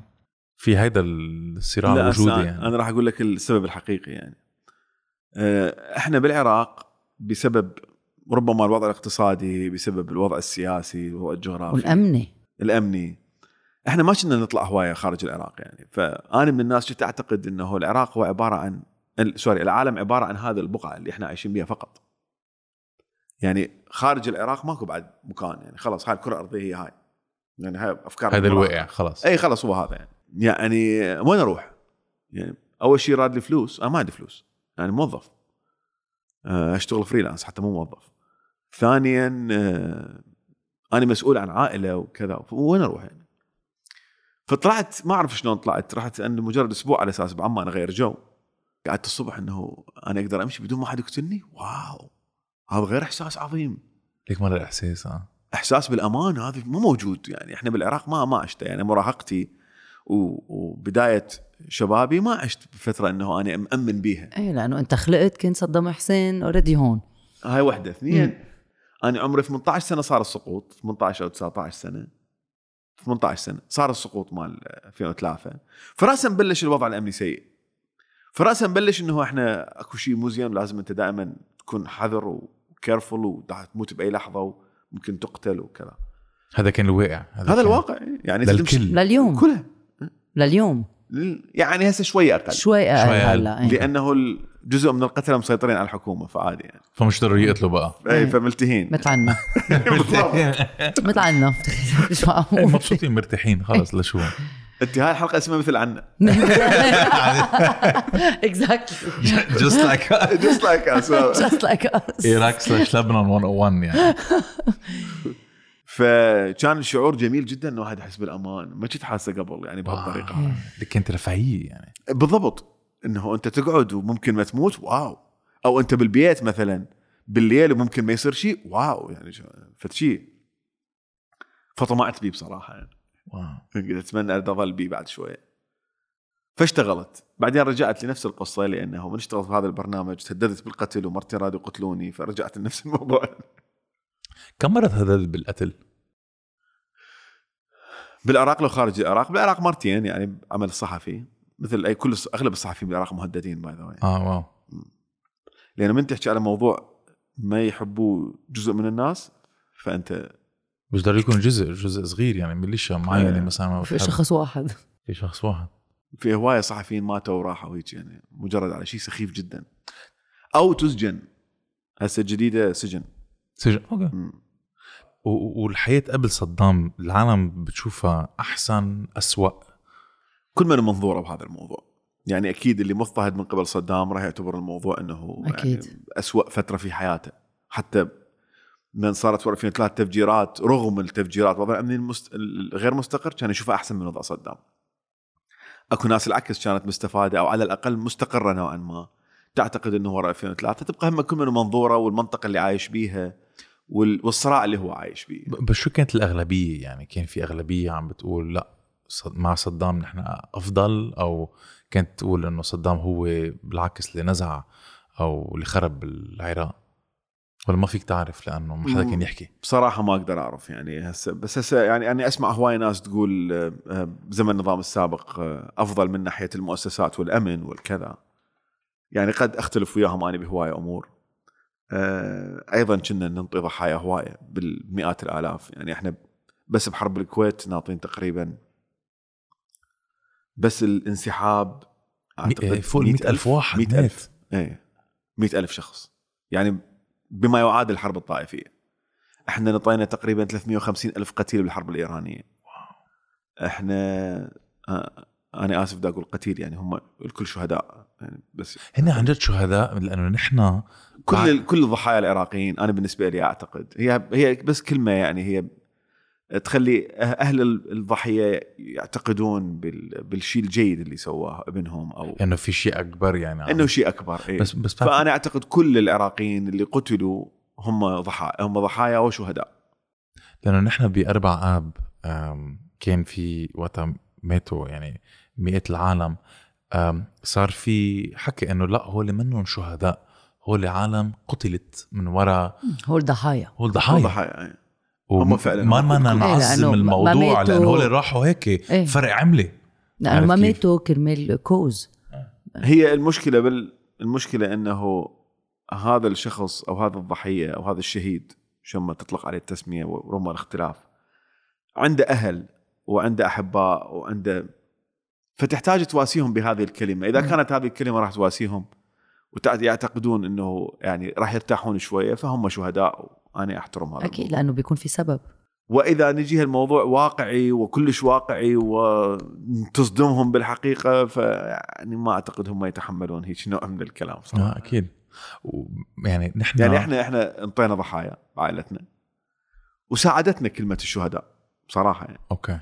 فمثلا يعني ساعدت هواية من أقربائي إنه كلمة شهيد تعطيك نوع من الاطمئنان والاستقرار الروحي. بس إذا نجيها للحقيقة خلي ما نجيها أفضل. بتعرف آه، كنا كنا عم نحكي سمعنا بمقابلة أنت قلت إنه بتعرف على القليل شيء 80 واحد من آه، من من عم تشتغل معك من رفقاتك آه، عائلتك عائلتك أهلك. جيرانك. زملاء. زملاء. زملاء. مم. يعني واحد مات. يعني هذا هو الوقع. هلا هذا الشيء كمان الوقع لكل واحد عراقي هواية من عندهم طبعا لأنه هو أنا اللي أعرفهم 80 بس هذول 80 أيضا هم معروفين بالنسبة لناس آخرين. آه اللي صار وراء 2003 بالعراق أنا أعتقد ماكو بيت عراقي لا يوجد بيت واحد عراقي ما دخلت له مصيبة من هذا النوع. يعني الأغلبية الساحقة من العراقيين تعرضوا لهذا النوع من العنف. الأغلبية الساحقة من العراقيين تعرضوا لهذا النوع من الفقدان. يعني كيف نحن بلبنان ما بنعرف فرد واحد من العائلة إيه. منه تارك لبنان؟ أنتم عندكم مطرح فرد. واحد من العائلة منه ما استشهد وما. مات. بالضبط 100% والموجودين يعني اللي ما فقدوا أحد يعني من نقعد مرات بيناتنا نقول آه، محظوظين يعني إنه ما صار بهم شيء يعني الحمد لله إنه ما صار بهم شيء. بس هو ان جنرال أغلب اللي نعرفهم أغلب أصدقائنا أغلب أقاربنا يا أما مباشرة إلى علاقة بي مباشرة يا أما درجة ثانية أو درجة أولى عفوا إيه إيه مم. يعني بتعرف بتعرف الاسم على القليل إيه قبل فترة مثلا بدنا نحكي أنا وأقاربي فدا يحكون إنه ابن عم ابويا ابن عم والدي يعني ابن عم عائلتنا قالوا هذا اي توفى خطية شلون توفى؟ آه، قالوا مودي يعبر الشارع وانضرب يا شلون انضرب؟ قالوا كان في اشتباكات مسلحة وكان يعبر الشارع هو وجته طلقة وقتل. استشهد استشهد هيك إيه؟ استشهد. آه okay. آه الله يرحمه. جديدة المعلومة كانت مثلا. بال بال بالمدينة اللي أنا ساكن بيها كنت لما انتهت المعارك بيها آه قعدنا واحد يحكي الاخ فلان شو أخباره؟ استشهد. آه خطية. زين وفلان؟ قتل آه okay. فلان مختفي والله ما موجود ما حد يعرفه. هيدي ال ماشي الحياة صارت- اليومية صار يعني. جزء من صار الكلتشر الثقافة يعني أكيد. ما لا لما عم نتسمع عليك هلا وعم بتخبر يعني. كنا عم نحكي عن صدام حسين 1978 اجى لل 2003 ومن بعدها صار كل هيدا. يعني ما ما عشت ولا طفولتك ولا بعدين باي استقرار. استقرار. لهذا آه، أتذكر باللقاء ويا أنس قال لي شنو أكثر شيء سعيد بيه؟ قلت له الاستقرار. لأنه حقيقة أنا بهذه الفترة أكثر فترة مستقر بها بحياتي. لأنه أنت تعتق يعني آه الارتحال وضب الجنط وال- والسفر هذا جزء من الروتين اليومي كان بالنسبة لنا أو آه مو بس الاستقرار ال- الجسدي استقرار ال- ال- الوضعية استقرار مم. الأمن استقرار ال- والنفسي. المو- المورد الاقتصادي أي. كله يعني والاستقرار النفسي والاستقرار النفسي إيه ما ما كان موجود هذا يعني ما ما اتذكر في شيء صار يعني أنا بعتبرها بعتقد أكبر كذبة سياسية صارت اللي هي WMDs إيه وجا كولين باور معه بعتقد كيس انثراكس يسمى انثراكس إيه ويعني بعد 9 11 أغلبيتهم سعوديين كانوا بن لادن واحد لبناني أو اثنين لبنانيين بعتقد. بس فاتوا على العراق. صار في الغزو الأمريكاني على العراق. الشعب العراقي لما شاف هذا الشيء شو يعني انت انت بتجربتك يعني إنه شو شو شو حسيت وشو شو فكرتوا؟ إحنا كنا مغيبين. كان عمرك آه، شو 17 سنة؟ إيه 17 تقريبا. إحنا كنا مغيبين تماما. ه- هستوني بلشت أدخن. تعلمت تدخين. لا ما في stress ابدا. لا لا مو stress لا تعلمت التدخين عشان ال show. أصدقائي كلهم يدخنون أنا ما خلي أدخن. وكنت هستوني طالع من بكالوريا اللي هو الثانوية العامة. وداخل كلية مرحلة أولى ف آه، كان في بنت اريد أصادقها وقصص. بال smoking area عم تدخن هي حظ يعني في تسعة عرفت اتزوجهم في ستة شهور. أوه. حتى أصدقائي بالكلية لحد الآن يعني زمن الكلية لحد الآن يعني يستخدموني كجوك ماتيريال. أنت تقول لك صباح الخير تتزوجها. ف شنو. سؤال؟ ولا تذكرت رجعت أنتوا الكلية. أنتوا أنتوا ك- كعراقيه لما شفتوا إنه كان في كذبة آه. طويلة عريضة عم بتصير آه يعني شو عملتوا؟ يعني فجأة صار في هالي بيرتون استلمت كل شي 70% من النفط بالعراق. آه كل هذا الشيء كان مبني على كذبة. توني بلير وجورج بوش كذبوا على الكل. أنتوا كعراقيه كيف تعاملتوا مع- مع الموضوع؟ إحنا اعلاميا كنا مغيبين. يعني, يعني- كيف شو قصدك مغيبين؟ يعني ما كنا موجودين وما كنا نعرف هاي التفاصيل كلها. اولا كان عندنا الستلايت ممنوع وكنا كل الوسيلة الإعلامية الوسائل الإعلامية الوحيدة اللي نشوفها هي وسائل حزب البعث وسائل إعلام حزب البعث اللي هي آه، صحف اللي هي تصدرها الدولة بشكل رسمي وقنوات اثنين رسميا نشوف من أثر الأخبار. state تلفزيون يعني. state تلفزيون فإحنا نعرف. يعني حتى الحرب لما أوشكت على أنه تبدأ إحنا ما كنا مصدقين راح تصير حرب أساسا. لأنه بالتلفزيون نشوف الوضعية إنه إحنا مسيطرين وإحنا راح ننتصر وإحنا القادة وإحنا الجيش ما حد ما حد كان مصدق إنه صدام ممكن يسقط إيه. أو هذا النظام ممكن يسقط. مستحيل. فإحنا كنا مغيبين. فحتى قصة مثلا أسلحة الدمار الشامل هاي لاحقا افتهمناها بس ما افتهمناها بالبداية. يجوز أحكي عن نفسي أنا عمري 17 سنة أنا ذاك يعني ما أعرف بس أنا إذا أحكي in general عامه الناس البسطاء اللي مثلي خلينا نقول ما كنا نعرف موضوع أسلحة الدمار الشامل مم. وحتى 9 11 ما كان الموضوع بالنسبة لنا big deal نهائيا. يعني أنا أتذكر اليوم اللي صار بي 9 11 أنا أتذكر لأنه كان طلع خبر عاجل بالتلفزيون. وما فهمت لحد الآن هو ليش إعلام صدام حسين احتفل ب 9 11 عم بيحتفل جيم يعني, يعني اي بالتلفزيون كان في احتفالات يعني شو احتفالات شو كانوا عم بيقولوا يعني؟ إنه هذا شو كانت؟ السردية يعني؟ السردية كانت إنه هذا ال- الثمن اللي لا هذا عقاب رب العالمين. أوف. لأنه wow. سووا بينا هيجي فهذا العقاب اللي سوى بهم رب العالمين فهو هذا يستحقوه كذا وكذا. فاني ما فاهم لحد الآن هو ليش احتفلوا بموضوع 9 11 وهم مو جزء بي ولا لهم علاقة بي. بس هي كانت تدري هاي البداوة اللي كانت طاغية على النظام السابق؟ أكو هذه قصة ال... مو البداوة لا أسميها من البداوة شوية. لا يعني النرجسية شوية كانت اكو مم. بالقصة فإنه يلا ما دام هيجي خلاص يلا. ما كان اكو نظام سياسي. the West إيه. فمن صار 2003 إحنا كنا نعتقد حرفيا هواي من العراقيين كانوا يعتقدون إنهم هم الولاية الجديدة لأمريكا راح يصيرون. يعني راح تنضاف للولايات المتحدة الأمريكية ولاية اللي هي العراق. Wow. فكنا م- أنا أحكي عن نفسي مثلا ما كنت مستاء جدا من التغيير. ما كان عندي مشكلة بالموضوع إنه okay صار تغيير يعني. آه، أول تالي إحنا منعزلين عن النظام تماما يعني كطبقة كطبقة مجتمع ما لنا علاقة بالنظام. أنت باي باي طبقة كان- كانت يعني كنت middle class upper middle class lower class صار بكرة استعمل هول المصطلحات بس يعني. إحنا كنا upper class تحكي إنجليزي. مش الحال؟ إحنا كنا عندنا G-Class لا. وت- وتشربوا بيبسي تشرب بيبسي طبعا. طبعاً. عندنا توتو. لا كنا طبقة عادية يعني. إحنا مو مو ال- ال- الفقيرة ولا المتوسطة. كان أكو طبقة بين هؤلاء الاثنين. هي إحنا. آه، وضعنا المادي ما كان the best ولا كان سيء. يعني متوسط. ولا متوسط أقل شوي. فلما صارت التغيير ما ما ما شلنا همية إحنا عندنا business مالتنا الخاص. بعيد عن الحكومة وبعيد عن ال- التوظيف. أنا كنت أشتغل بمطعم مثلا. كان عندنا مطعم إحنا مال دجاج. وإحنا أصلا عائلة يعني بالتجارة قوية. يعني وجدي كان واحد من أهم تجار الأنبار. آه، عمامي أيضا. عندنا واحد ضابط والباقيين تجار أغلبهم. وكذلك ابويا تاجر كذا فما ما نتاثر بالأوضاع السياسية غير لما تصير تأثر على ال- مثلا الحصار. ال... هاي الأشياء هاي تأثر علينا. شيء يعني على الميل كل شيء إيه. إيه. بس ان جنرال عندك مطعم يعني في المطعم شيء تأثر. فمن شفت الأمريكان كنت فرحان بشوفتهم. أنا مثلا كأحمد. لأنه كنت أسمع أغاني إنجليزية. الامريكان لما شفت لما إيه. اجوا الجيش إيه. لا بس أنا big fan of Backstreet Boys أنا آسف على هذا بس لا لا لا no I'm not صراحة. احبهم لحد الان fan. that way. exactly Show Me the كانت my favorite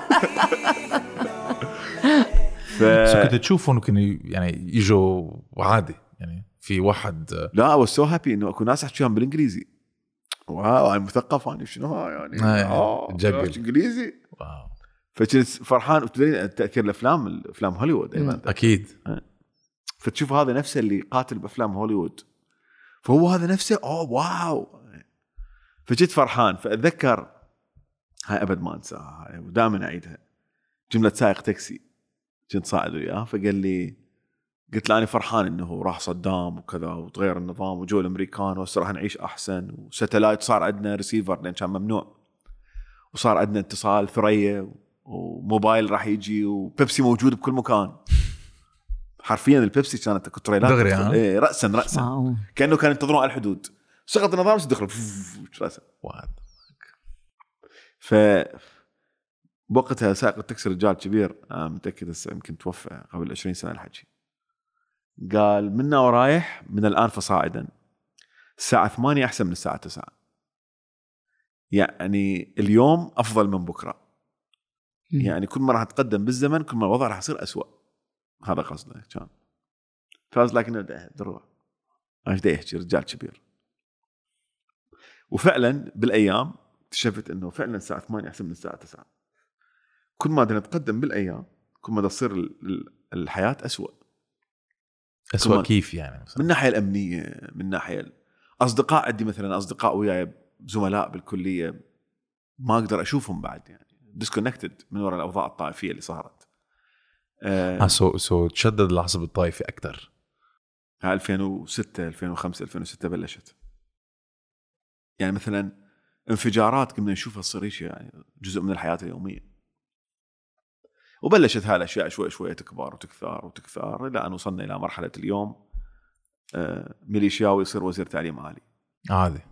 طبعا نحن كمان زيت الشيء بتعرف اللي, بدي أعرفه هو صار في عندك آه، يعني تيراني طغاة آه، سوري طغيان 35 سنة من وراء صدام حسين وفجأة صار صار في ديمقراطية. هل هذا الشيء كان شيء إيجابي أو سيء؟ هذا كارثة هذا. هذا هذا هذا كان مأساة. لا الديمقراطية مأساة يعني. الديمقراطية بذاك الوقت كانت مأساة. ليه؟ ب 2003 لأنه أنت ما تقدر ناس صار لهم مو مو 35 سنة حتى من قبل ما كانت أكو ديمقراطية بالعراق ولا عمرها كانت موجودة. هي أصلا ديمقراطية جديدة.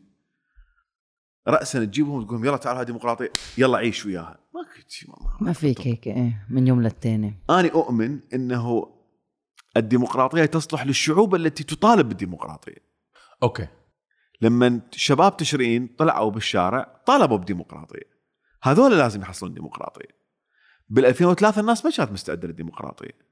بدليل انتخابهم بال 2005 انتخبوا على أسس طائفية وعمقوا الخلاف الطائفي وأدوا إلى اقتتال طائفي بال 2006 so افتكروا إنه الديمقراطية okay هو الطائفية. بالضبط. إيه. لأنه ما عندهم أي مفهوم. مم. هي ما يعني حتى آه، الأمريكان نفسهم الشعب الأمريكي نفسه هو استحق ديمقراطيته. هو قاتل من أجل ديمقراطيته.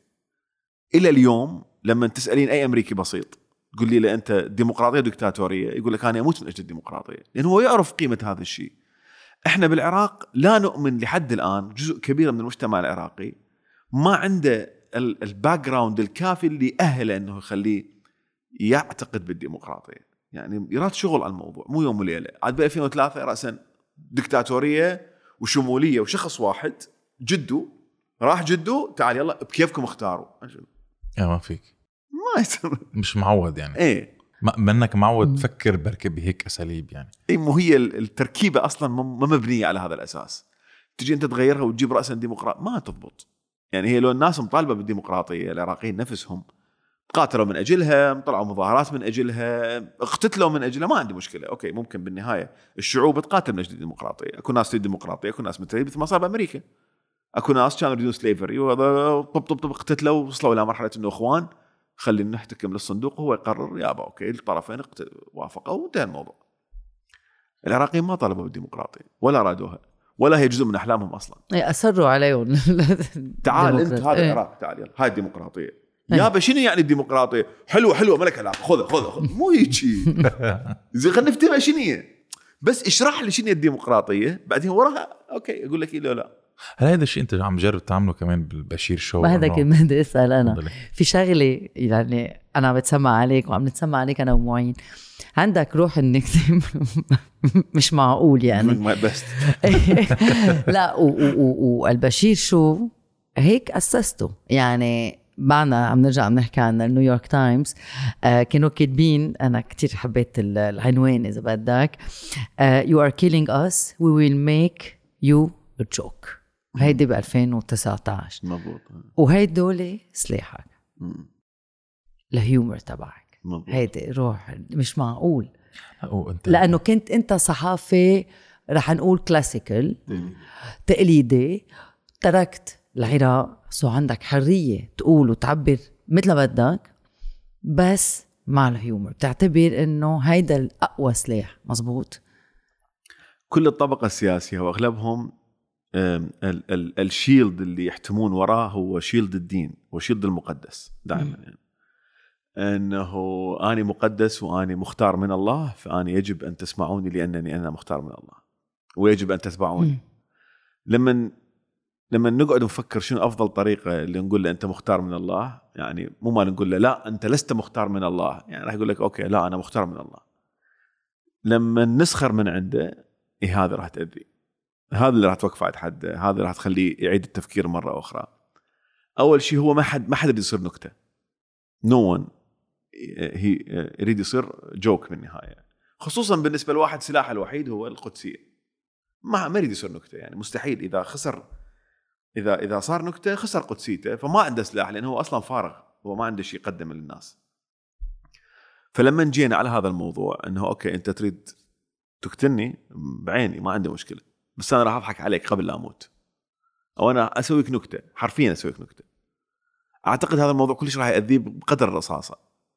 أحيانا يقولون لا موضوع مبالغ به ولكن هو هذا يعني. هو هو هو تركيبته القدسية. هو تركيبته إنه هو أني الهالة هذه اللي أبنيها دار مدار روحي. بتنفسها. بس تنفسخ وقع. يعني إحنا سياسيين بالبرنامج كثير من عندهم نسخر من عد... sorry نقول عليهم فاسدين مثلا. سرقوا كذا عملوا كذا اخطائهم كذا أخطأوا في هذا المجال ما عندهم مشكلة okay ما عندي مشكلة نفس السياسي اسخر من عنده بشغلة ينجن يفقد تركيزه يفقد توازنه sorry nice. يفقد توازنه ويوصل لمرحلة إنه يبدي يستخدم السلاح حتى يسكت يسكتني لأنه خلاص اسكت يابا أضحك عليك إيش بيك ليش ضايج؟ يعني بالنهاية أنا إيه ما فيك ذم يعني في في عم تسأل عليه بس بدي أضحك يعني إيه. إيش بيك؟ يعني؟ عم تضحك علي يعني إيه؟ يعني أحد الميليشياويين مرتين راد يقتلني في عمان من وراء هذا الموضوع بس لأنه اضحك بعمان. بعمان. يعني شوف المخاطرة اللي يريد يوصلها يعني. ما عنده مشكلة تصير له مشكلة دولية بالقصة. ما عنده مشكلة. واو. بس آه، بس يريد يسكتني يعني. بأي طريقة ممكنة. وما بتخلي حدا من شرك يعني. من. ال... من داعش لرجال الدين لا، بس- للسياسيين. ما بتخلي بس من حدا. العدو و- يعني و- عم تحكي مع داعش يعني اللي هو العالم كانت تخاف منه انت بسطته بشكل صاروا. مسخرة. هذا اللي سويناه ويا داعش مثلا. داعش ما إيه. داعش العالم كانت تخاف. كانوا آه، البروباغندا الإعلامية اللي سووها آه، ببداية دخولهم إنه هؤلاء الناس انفنسبل لا يقهرون. هذا تضربه طلقة ما يصير بيه شيء هذا يجيك يخلصك هذا كذا. إحنا أنسنا الموضوع وعاملناهم على أنه بشر وجعلناهم نكتة. مئات الرسائل من مقاتلين عراقيين كانوا يقاتلون داعش يقولون من وراكم قدرنا نتعامل ويا الموضوع بشكل طبيعي. واو. إنه هؤلاء بشر وأنا أقدر أقاتله مثل ما هو يقاتلني. منه أسطورة يعني. منه مو أسطورة هو إيه. بالضبط. هو ولا هو لا يقهر. لا هو إنسان عادي ما دام يسخر يبكي منه. ويخاف ويفرط ويجوع ويخرب إيه. ويروح للمرافق وش يسوي؟ إيه إنه إيه. نفس الشيء. wow. ف sorry. لا لا افتح لا عم تحكي okay مو بدي أسوي لي واحد سوي لي واحد حتى انطلق. ف آه، هاي بالنسبة لنا مثلا كان نصر إنه إحنا نعامل. داعش وخلينا ناس بغض النظر هسه إحنا دورنا قليل بسيط إن شاء الله جندي واحد. آه، تأثر بال بال بالشيء اللي نقدمه وراح أدى واجبه بشكل حقيقي وهذا المطلوب يعني. إن شاء الله واحد. بس أنت عم تحكي هيك sorry. بس بس تزيد أنت عم تقول إنه تأثيرك ما بعرف ما بتعرف إذا بسيط ولا لا. بس آه في فترة إجت إنه قبل كل شو يجي رئيس الوزراء ورئيس الجمهورية العراقية يحضروا البشير شو كرمال يعرفوا شو ح... عن شو حتحكي وعن شو حتعلق يعني. ويخافوا. هيدا شيء منه منه تفصيل ابدا. أحد أحد رؤساء الوزراء السابقين. آه، طلب إنه يبعث على وزير على على وزير لمنصب معين لوزير لوزارة معينة.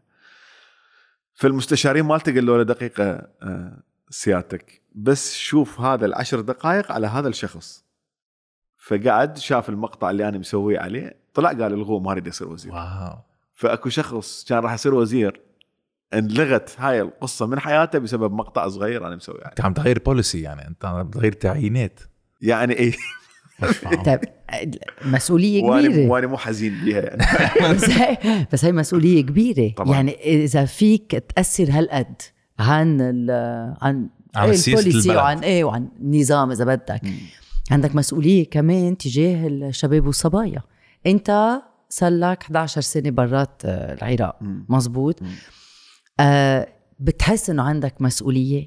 بتحس إنه لازم تنتبه أوقات؟ لأنه أنت آه، هلأ محمي إذا بدك برات أي العراق. نعم، صحيح. إيه الشباب والصبايا عايشين هونيك. صحيح. يعني آه، بتحس إنه لازم تنتبه ما تشجعهم كتير لما ياخذوا خطر على حالهم. مضبوط. أي مضبوط. وهو هذا الشيء اللي سويناه نوعا ما بال- بالفترات الماضية وبدنا نسوي هسه وراح نسوي بالمستقبل الم- المشكلة إنه أحيانا الإنسان تأخذ العاطفة يعني ببعض. ببعض المواقف وبعض القرارات ويصير عاطفي جدا بعدين يرجع للرشد ويستعدل هاي فكرة وهذا الأس... ال... ال... ال- الفائدة من وجود فريق أصلا بالبرنامج إحنا أنا ما أشتغل وحدي يعني. بالنهاية كل الآراء كل الأشياء اللي تنطرح عن لساني هي ليست آرائي هي بالحقيقة آراء الفريق وآراء جيش من الصحفيين وجيش. من. من الكتاب والفنانين اللي ورانا واللي هم يعتقدون إنه إحنا هاي الرسالة يجب أن تصل من خلالنا فما يطرح آه، عن لساني هو ليس عن لساني فقط هو عن لسان قناعات لمجموعة من الأشخاص وهؤلاء الأشخاص عندهم مسؤولية تجاه البلد مسؤولية تجاه نفسهم ربما أنا لأنه بوضع جيد وضع محمي أقدر أني احكيه وهم ما يقدرون يحكوه ولهذا إحنا دائما بكل حلقة وأغلب الحلقات نستشير مجموعة من الصحفيين اللي ما يشتغلون ويا البرنامج يعني. نستشير مجموعة من الكتاب من صناع القرار يعني ال- ال- الثقافي إيه. أو صنع أو النخبة بالعراق. وأيضا الشباب والناشطين حتى نقدر نعرف التوجه العام اللي إحنا ماشيين به وين. لأنه إحنا هاي المسؤولية كلش كبيرة أمامنا. بنفس الوقت هو البرنامج تقريبا الأول بالعراق من ناحية ال- السخرية السياسية. آه، والبرنامج الموثوق به جدا من قبل الناس. فالمسؤولية كلش كبيرة والمسؤولية بنفس الوقت حلوة ومو حلوة. يعني هي حلوة إنه انا إحنا بدنا نشتغل بهذا الموضوع وإن حصلنا على ثقة الناس ومو حلوة إنه أحيانا تصير بعض الأشياء واحد يقول له ما مسويها يعني. لو ما متدخل أنا ما لي علاقة. بس بالنهاية يعني هو هذا الشغل يعني هو هذا ال- السياق. الفنانين علب... آه، لعبوا دور كتير كبير كمان بال بالرأي السياسي. يعني كان كانوا عم بيقولوا شو لازم يصير ولا ولا ان إحنا لأنه كنا نتظاهر يكون في واحد عم بيغني أو مطرب أو واحد ممثل يكون قاعد معنا وعادة يعني صار في اختلاط بال... إيه. بالطبقات. لاول مرة. كمان لعبوا دور هن كتير مهم بال... بال... شو عم يصير بالعراق؟ بتشرين هواية من الفنانين نزلوا أغاني ودعموا الشباب وكانوا ينزلون بال آه، بالمظاهرات يعني مثلا رحمة رياض آه، نزلت أغنية على تشرين ومع العلم يعني هذا ما منزله ما حد راح يقول ليش ما نزلتي يعني. ذاك الوقت. آه، فنانين آخرين. أكو ناس منشدين كانوا ينشدون ل- للميليشيات. يعني هم شغلتهم يسوون أناشيد للميليشيات. بلحظة تشرين غيروا. أوكي. يعني تركوا الميليشيات وقاموا يغنون. أو على الأقل يقدمون فنهم للشباب والمتظاهرين وللعراقيين واليوم شو عم بيعملوا؟ رجعوا للميليشيات ما ما اعرف صراحة. قسم من عندهم رجعوا يعني. مش معقول. ربما قسم من عندهم مصلحتي ولكن أكيد. ولكن خلينا يعني إحنا ننظر بعين ال ال الإيجابية. خلينا ننظر بعين ال- بهاللحظة. إيه. بهاللحظه هاي سووا شيء جيد يعني. بتعرف كمان في في كتير slogans وفي كتير شعارات طلعت آم، بثورة تشرين بالعراق بتشبه يعني ثورة آه، لبنان ايران out ايران out ايران out هالقد في تدخل إيراني بالعراق؟ يعني في ميل عم بينصرف عم بينحط عم بيصير في توجه. نحن مثل ما بنعرف بالاحزاب السياسيه عنا كلهم تابعين ل sponsor معين لسفارة معين اللي بيضحك إنه بي- بيقولوا نحن جماعة سفارات بس هن فعلا جهاز ل- لهالسفارة. إيه كما كل ما يطلع ثوار يقولوا هولي هيدا من هيدي يعني بس سفاره هن- نحن كمان جماعة سفارات بس هن- بس هن, هن كلهم فعلاً يعني تابعين لحدا لدولة تقنياً. معينة إيه. exactly so في ميل نحط يعني عندنا كمان. هيدي عنا US. كمان، إيه. هيدي. so في ميل اجى من إيران حط و... لا هاي المعلومة مغ- مغلوطة تماما. ماكو مال يجي من إيران. المال يجي من العراق لإيران. شو يعني؟ بالعكس يعني العراق هو الممول آه. لما يجري في سوريا ولبنان وربما حتى اليمن في بعض التفاصيل العراق هو اللي يمول العراق هو اللي يبيع 4 ملايين آه، برميل نفط باليوم العراق هو اللي تجي كذا مليار دولار بالشهر من بيع النفط للمجتمع الدولي فالعراق هو الممول الرئيسي لكل هذه الأشياء وليست إيران إيران لا تمول ايران تأخذ من العراق مو تنطي. بس. شو- يعني شو ال bargaining power تبع يعطونا إيران بالمقابل أشياء مثل شو مثلا؟ آه، سيارات سايبة سيارة يعني هالقد بسيطة سنتين وتوقع عم لا تمزح ي- إي والله ينطونا غاز نحرق به آه، المولد نحرقه الكهرباء حتى نسوي به كهرباء لأنه كل محطاتنا الكهربائية تشتغل الغاز الإيراني الرئيسية بالعراق. آه، ينطونا مي آرو مو مي آرو لا ينطونا مبردات إيرانية اللي هي مكيفات إيرانية سيئة جدا ال brand مالتها سيئة جدا. ينطونا أشياء يعني للحياة اليومية العراقية. وأيضا آه، ال- ينطونا آه، أشياء استهلاكية بوتيتا وطماطه وسمك وهذه الأشياء. ولهذا لا يسمح للعراق ابدا إنه يكتفي ذاتيا من أي شيء من الأشياء. ولا ولا بأبسط الأشياء مثلا السمك. لا يسمح للعراق إنه يكتفي من السمك. من يكتفي العراق بالسمك فجأة سبحان الله ملايين الاسماك تموت فنضطر نجيب منين؟ من إيران لا يسمح للعراق أن يكتفي بالحنطة لما العراق يكتفي بالحنطة فجأة تحترق محاصيل الحنطة ومنين نجيب حنطة؟ من إيران من إيران. العراق صارت صار الرئة الاقتصادية للعملة الأجنبية لإيران بسبب الحصار لأنه ما يقدروا يبيعون نفط فكل العملة تجي من العراق كل ال ال ال المال الحقيقي اللي يخدم مشاريع إيران بالمنطقة يجي من العراق. فلهذا العراق دائما هو الرئة الاقتصادية لإيران. و- والأمريكان شو شو دورهم بهذا الشيء يعني عم, آه. عم بيخلوا التعامل مع دور صغير أمريكان جاهم النفط وخلص هذا ما هي. بس ال- أكيد. ال- الأمريكان أو ال- يعني ال United Nations عم بيخلوا التعامل بين العراق وبين إيران اي طبعا. هم في موضوع مثلا الغاز. إحنا المحطات الكهربائية مالتنا تعتمد على الغاز الإيراني. وتشتغل على الغاز الإيراني. أعتقد كل 90 يوم تجدد من الإدارة الأمريكية إنه العراق يسمح له إنه يستورد غاز من إيران في مقابل إنه يدفع له بالعملة الصعبة أو بالدينار العراقي يعني. أعتقد صارت مشكلة على هذا الموضوع يعني ما متأكد بصراحة هذا هذا مختص نسأله بها بس العراق يسمح له باستيراد هو رغم الحصار على إيران العراق يسمح له باستيراد الغاز من إيران من قبل الإدارة الأمريكية. أيضا المنافذ التجارية آه، بين العراق وإيران يعني ثرايفنج يعني يعني تشتغل تشتغل مو شقه إحنا مستهلكين بشكل كبير ومو بس آه، أشياء استهلاكية أيضا نستورد من إيران أشياء أخرى مثلا المخدرات. كبتاجون لا. نحن آه لا كبتاجون نحن كبتاجون نحن لا نحن بنعطي المخدرات لكل العالم إيه. على الكبتاجون. إحنا لا نختلف شوية. إحنا crystal meth crystal meth في crystal meth بي- بالعراق؟ نعم. جاي من إيران. نعم. حاليا يصنع أيضا في العراق في بعض المناطق المسيطر عليها الميليشيات هذا ال crystal meth جزء كبير من تمويل إيران وجزء كبير من تمويل الميليشيات المسلحة بالعراق. مش معقول كيف هول بيكونوا رجال دين على أساس تبع الميليشيات وكذا وبيتاجروا بهذا الشيء. نحن كمان الكبتاجون بيلاقوه بيلاقوه بالرمان. أكبر رجل دين بالعراق ما يقدر ما يقدر يحكي ويا موضوع المخدرات. أكبر رجل دين. أتحدى. أكبر رجل دين بالعراق إنه يحرم ويوقف المخدرات بالعراق. أو على الأقل ي- يسوي حملة لإيقاف المخدرات. لهالدرجة. ما حد يقدر. اوف الفساد. العراق مو العراق سابقا كان معبر ل... لعبور المخدرات فقط مو مستهلك. العراق اليوم صار مستهلك. يعني هي قصة الكريستال مث بالعراق يعني بصراحة أنا عندي نظرية مؤامرة بالموضوع. كيف شو أنا أعتقد معبر؟ أنا أعتقد إنه أكو دول آه، لازم تخلي العراق يصير مستهلك لل- للكريستال حتى الشباب ما حتى الشباب العراق يضلون نايمين. مثل ال crack بأمريكا بال... بالسبعينات هيك ما بيتظاهروا ما, بي... ما ال African بيثوروا. أمريكان. بضلوا نايمين وما بيعملوا شيء. لأن مس... اللي دا يصير حاليا بالعراق مستحيل. يعني ال- ال- ال- المخدرات والمث صار حاله حال الجقاير في بعض المناطق. يعني وكأنه يدخن دخان عادي يعني.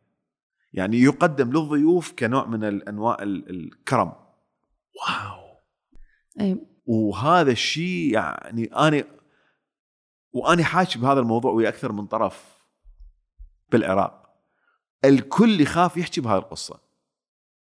وهي معلومة وليس جزء. جزء من الاقتصاد لأنه خلص قطاع مثل ما هو. لا هو قل له أي موضوع آخر قل له مثلا داعش يقول لك okay أنا حرب داعش. قل له المخدرات يقول لك لا رجاء لا تدخلنا بهاي القصة تخوف so يخافون بيبنجوا الشعب. بيبنجوه بيخدروه، مثل ما إيه. بي- بيعطوا آه، آه، كبتاجون ليولعوا الشبيبة ويقدروا يقتلوا بلا ما يحسوا إنه عم بيقتلوا حو... بيقتلوا حواليهم. بالعراق عم بيبنجون عم بيخدروا. exactly إف. ومتعمد الموضوع يعني. متعمد في بعض المناطق متعمد بالرخص أرخص مادة بالعراق أرخص من الجقاير حتى توصل مرات هي هي المخدرات إيه خلص متوفرة وين ما كان. و anything مثل crack epidemic عن جد بنيويورك بال- بالسبعينات. exactly the same واسوأهم بتعرف إيه كمان يعني يعني هسه من تسأل إنه تقول يابا شباب العراق وين؟ ليش ما, إيه. ما عندهم أي أي قرار سياسي؟ يقول لك طايرين. طايرين. إيه. حقيقة نسبة كبيرة جدا من الشباب طايرين. هي قد إيه أنت مبلشت؟ أنت ال... يعني هي بلشت من زمان تقريبا من ال 2000 و أعتقد 10 12 وفما فوق فما فوق. بس بلشت بلشت بال بالمعروفه عندكم يعني هواية مو بالكبتاجون الحشيش. حشيش آه. وبعدين شوي شوي تطورت إلى أن صار ال- الحشيش يعني هسه من تسمع واحد يحشش تقول واو والله هذا. مؤدب.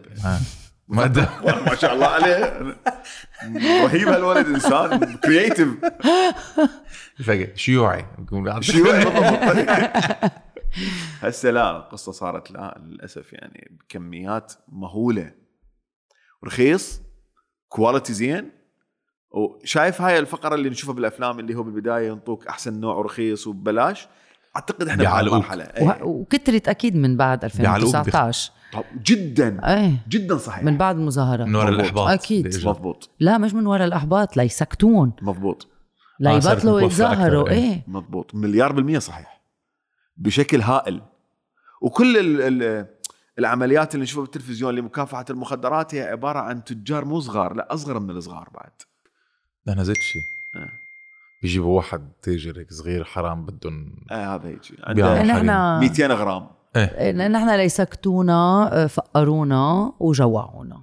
هيك ما عنده وقت الشخص يفكر إنه بده يتظاهر أو بده يثور بده يفكر كيف بده يطعمي أولاده تاني نهار. بس كمان. كمان مية آه، آه، بدي في كمية هائلة كمان من المخدرات كمان عم تجي كمان تروق الأشخاص. يعني يخدرون يخلون ينسوا ال- القمع الفقر اللي إحنا عايشين فيه وي- ويسطلوا يعني ويسردوا طبعا وياها أيضا بخط موازي هو آه، منع الكحول و- وتجارة الكحول و إمتى منع الكحول بالعراق؟ يعني مو منع بس يعني أكو عليه حملة وهذا حرام وهذا ما يصير وهذا غلط ودائما يوقفون وما يسمحون ويصير كلش.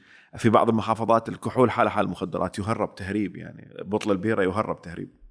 بتعرف في شيء صار كتير غريب إنه بس صار في آم، صفقة أو ديل ترسيم الحدود عنا نحن بلبنان آه، اللي أكيد الحكومة اللبنانية بلشت تتعامل مع إسرائيل عبر آه، أمريكا كمان صار شيء بالعراق يعني تشكلت الحكومة العراقية. شكلت الحكومة بذات الوقت بنفس اليوم كيف بتفسرها؟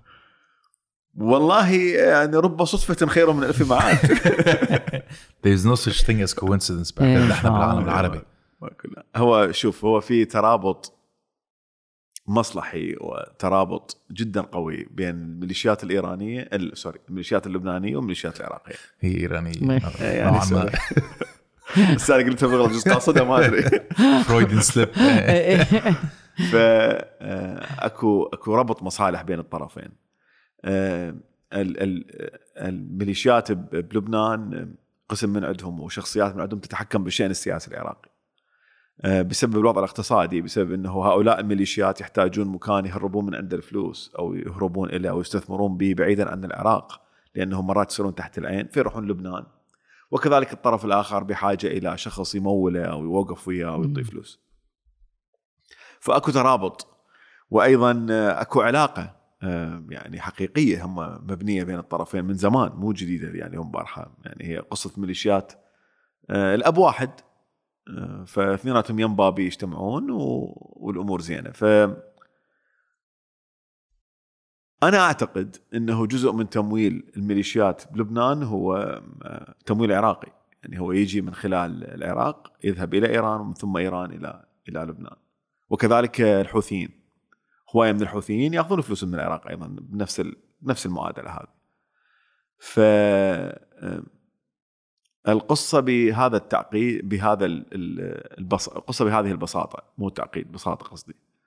آه، انحل هذا الموضوع بالمقابل أمريكا سمحت للإطار إنه يشكل حكومة يعني في بند نعمل خلص بالكونتراكت. زبط لنا القصة بالعراق زبط لنا القصة بلبنان. وأمريكا مستفادة بالطرفين. أكيد. ما عندها أكيد. مشكلة يعني. بالنهاية ال- ال- على الواقع هو اللي تعامل وياه. هنا انحلت المشكلة وأكلوا عنب بلبنان. وبالعراق هم أكلوا عنب. بتعرف نحن سمعتنا بالعالم منا هالقد إيجابية يعني. آه، بس بنشوف إنه لما حدا بده يروح على بيروت بيخافوا عليه لا ما تروح على بيروت رح تموت آه، في خطر على حياتك آه، كذا كذا كذا. بس تيجي هيدا الشخص آه، من أمريكا أو من من يعني من من. أوروبا أو wherever بيجي على لبنان بيموت بلبنان. وبصير مثلا كان طالب بجامعة بصير بده يعمل internship بيحب هيدا الشيء بده بده يبقى بالبلد. عندكم أنتم كمان زيت الشيء بال- بالعراق؟ يعني يجون أجانب هواية وينصدمون أيضا بالواقع العراقي. لأن تعرف العراقيين طيبين و... و... وأكلهم طيب. بصراحه العراقيين أكلهم طيب. يعني أنا أنصحكم إنه تروحون العراق تأكلون الأكل يخبر بما إنه أنا ما أقدر أروح العراق بروح. روحوا يعني عادي it's fine فينا نروح على مطعم عادي كلش عادي. روحي ما لك علاقة. أتهم والله عادي روح. ف آه اكو هواية اجانب يروحون للعراق و... وقسم من عندهم يريدون يبقون. ما اعرف مدى دقة الموضوع بصراحة أنا أشوفه بالتلفزيون يعني أو آه sorry بال social media. بس in general آه اكو قسم من ال آه، من ال non-Iraqis لما يروحون للعراق مرة مرتين يصير عندهم هذا التعلق الغريب. غريب عجيب آه. اللي هو ما تفهمه. اللي هو مثلا أنا أعرف صديقة بريطانية آه، آه، متعلقة بالعراق بطريقة يعني أمنيتها بالحياة تتقاعد آه، في بيت على نهر دجلة. wow. أوف لهالدرجة. وهي ما جاية من منطقة يعني مثلا إيه. سيئه لا، جاية من من لندن من حي جيد بلندن يعني وعايشة حاليا بأمريكا بكنتيكت. بولايه حلوة جميلة يعني. مو تقول مثلا ما شايفة وجت شافت مي وكيفت لا. جاية من مناطق مرتبة. بس she's in love with العراق إلى درجة غير معقولة. أنا ما أفهمها مرات فأكو سر بالموضوع. هل هو. الثقافة الإرث آه، التاريخ الحضارة الناس؟ بصراحة الناس يعني ناس ناس أكيد الناس. الناس هناك مثل عنا. يخبرون يعني. مثل عنا. اي بالضبط. شو قلناها اليوم؟ لا، إيه، مثل من عنا. إيه مثل عنا. لا لا يعني شيء. مثل عنا ولا مثل عنكم. اختاروا. بعتقد نحن وصلنا على آخر البودكاست. في سؤال نحن بنسأله عادة. فينا نسحب قد ما بدك. أوكي إيش قد صار؟ لأن إحنا ما عندنا 56 دقيقة. أيوة. طول البرنامج تبعك. كنت عم تحكينا عن الشعب العراقي كيف يعني كيف كان عنده إحباط وما كتير منخرط بالحياة السياسية لأنه انصدم بعدة آه، محطات آه، سيئة. وانت عايش برات العراق صار لك 11 سنة. وشفت السؤال. وثورة آه، تشرين وأكيد. اشتقت أكيد. أكيد. طبعا. هل أنت بتعتقد في أمل؟ أم، أنا ال- الأمل ال- بالعراق أشبهه بال chart مال heartbeat بال- بالمستشفيات اللي هو طط بعدين ينزل بعدين طط وينزل بعدين طط وينزل. فإحنا دائما على مر التاريخ من أول ما وعيت للدنيا يعني دائما أكو لحظات الأمل هذا تصعد تصير ال peak بعدين وراها تنزل إلى إلى أدنى درجة. بعدين وراها تصعد صعدة عجيبة. فأنا متأكد واحدة من هذه الصعدات راح تصعد بعد ما تنزل. ما يعني- حتنزل. إيه مو تنزل وما تصعد. لا تصعد وما تنزل. كل البلدان وكل تاريخ الشعوب دائما توصل مراحل إنه تحبط الشعوب ترجع تصعد الامل مرة الاخ وهكذا. فأني ما أعتقد يعني حسب رؤيتي وحسب قراءتي للتاريخ ما أعتقد الشر يستمر. ما ما شايف شيء يعني. حتى بأفلام مارفل دائما الخير ينتصر. فما أعتقد الشر يستمر. أنا وجهة نظري. آه، وال- والشعوب اللي اللي اللي قاتلت واللي ثارت واللي طالبت بشيء بالنهاية دائما تكسب. مهما طال الزمن يعني سنة سنتين مية بالنهاية تكسب الشعوب. وعندنا أمثلة هواية موجودة بالتاريخ. ف تقول لي ما عندي أمل؟ حاليا أنا بلحظة ربما نوعا ما إحنا بال- بالشارت جو مو فوق. بس أنا متأكد ورا راح تجي لحظة مثل ما جت لحظة تشرين. مو إلا ثورة بالمناسبة يعني مو إلا تظاهرات لا تغيير. التغيير راح يكون حقيقي وتغيير للأحسن وللأبد. هسه يكون هذا التغيير من خلال شنو؟ أنا حاليا ما أعرف. اليوم ما أعرف ما أقدر أجاوب. بس 2018 مثلا أنا مريت بلحظة يأس وإحباط غير معقولة 2019 أيضا بدايتها. 2019 نهايتها. صعد الأمل إلى مرحلة إنه أني مرة من المرات قاعد أحجز تكت دا أرجع العراق ودا أقول طز شو يصير خلي يصير. أخذ بروزاك. خلاص هذا هو. يعني. إيه أكيد. أموت أموت خل أموت وياهم. واو. رجعنا إحباط مرتلخ فأنا دا أنتظر لحظة الأمل مرتلخ والأمل رح يجي من من مين؟ من من, من الشعب يعني يعني؟ الناس. من من الناس. الناس. ما بيجي إلا من الناس. والجيل الصغير كيف أنت بت- بتشوفه؟ يعني كمان متفائل؟ نحن جزء كتير كبير من التغيير اجى من قبل المغتربين عندكم أنتم كمان هيدي العلاقة مع المغتربين العراقيين هذول الجدد الشباب اللي موجودين بالعراق الجيل الجديد هم هذول اللي راح يصنعون التغيير هم هذول اللي دائما نقول عليهم. ربما الجيل اللي قبله شوية أحبط بتشرين شوية صارت عنده مشكلة. بس لا ننسى شغلة اللي كان عمره 13 سنة بتشرين ب 2019 اليوم قد صار عمره؟ هلا 16 16 بعد له سنتين يصير 18 يعني ما ضل شيء تيقدر يصوت يعني. يقدر يصوت ويقدر كل شيء يسوي وإحنا 65% من العراقيين هم شباب. قد إيه؟ 51 65% wow. wow. من العراقيين هم تحت سن ال 35 سنة. شباب. wow. تحت سن ال 35 إحنا عندنا نسبة هائلة من الشباب بالعراق. هذول الشباب ما راح يقولوا ينتظرون الميليشيا شو وقت تعيينهم هذول الشباب راح يصنعون التغيير بأي طريقة ممكنة. ما راح آه. أقول مثل عنا بس. ما راح يكون مثلنا ما راح أقولها خلص. مثل عنا. إيه. فالجيل الجديد مثل ما فاجئنا بلحظة تشرين راح يفاجئنا بلحظات أخرى ربما إحنا راح ننصدم من عندها ونقول واو ونصفق ونقعد على صفحة ونقول لهم خلاص ما لنا علاقة إن. شاء الله آه، آه، التدخل الإيراني أنت بتعتقد مع كل شيء هلا اللي عم بيصير بإيران خف وصار في شوية ايجنسي يعني صار في والله يعني إحنا أنا تفاجأت اول البارحة من قبل فريق ال research اللي يقول لي إنه وزارة النفط العراقية صار بها مكتب استشاري آه، إيراني. فما أعتقد هذا أعتقد بالعكس هذا استعمار. يعني هو هذا الاستعمار شلون. يصير بعد. ال- الحكومة هذه مدعومة مباشرة من إيران. كل أطرافها هم أقرب قريبين جدا لإيران. آه، أطرافها السياسيه طبعا أقصد اللي شكلتها. الإطار التنسيقي آه، هم قريب جدا من إيران. السياسيين الآخرين اللي موجودين. أيضا قريبين يدعون إنهم مو قريبين لإيران مثلا. مثل يعني محمد الحلبوسي وغيره يدعي إنه هو ما له علاقة بإيران بس هو في الحقيقة قريب جدا لتوجهات إيران. والآخرين أيضا. فكل هذه الأطراف آه، قريبة جدا والتدخل الإيراني راح يصير أقل بس راح يكون مرتاح أكثر. شو قصدك مرتاح أكثر؟ يعني بعد ما يحتاج يوجه يوميه daily task okay. خلاص راح يوجه سنويا وخلاص. okay. بتعرف كنت عم تحكي عن ال- ال- الجيل الصغير.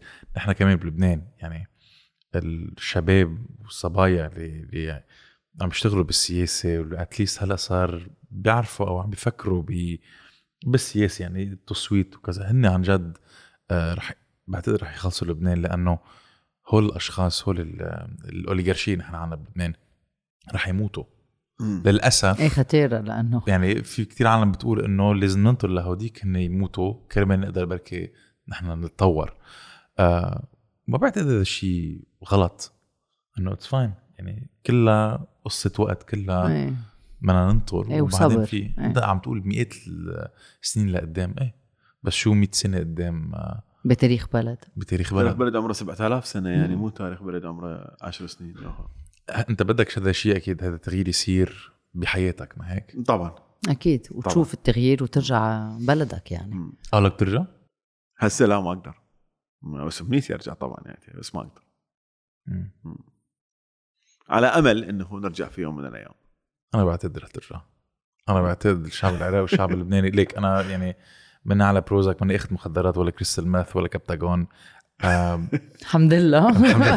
بعد هلا تحت الهواء.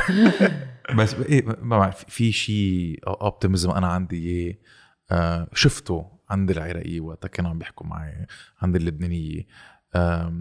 في انتصار رح يصير بعتقد أنا أعتقد لازم يصير ربط بين الشعبين لازم. ضروري. من يصير هذا الربط يمكن راح يصير تغيير. لا وبعتقد العراقية كمان يعني سوري they're bad asses يعني آه، مع كل شيء هن اللي قطعوا قطعوا فيه آه، كل الفجعات كل ال- الكذب وال سوري والبعصة اللي قطعوا فيها.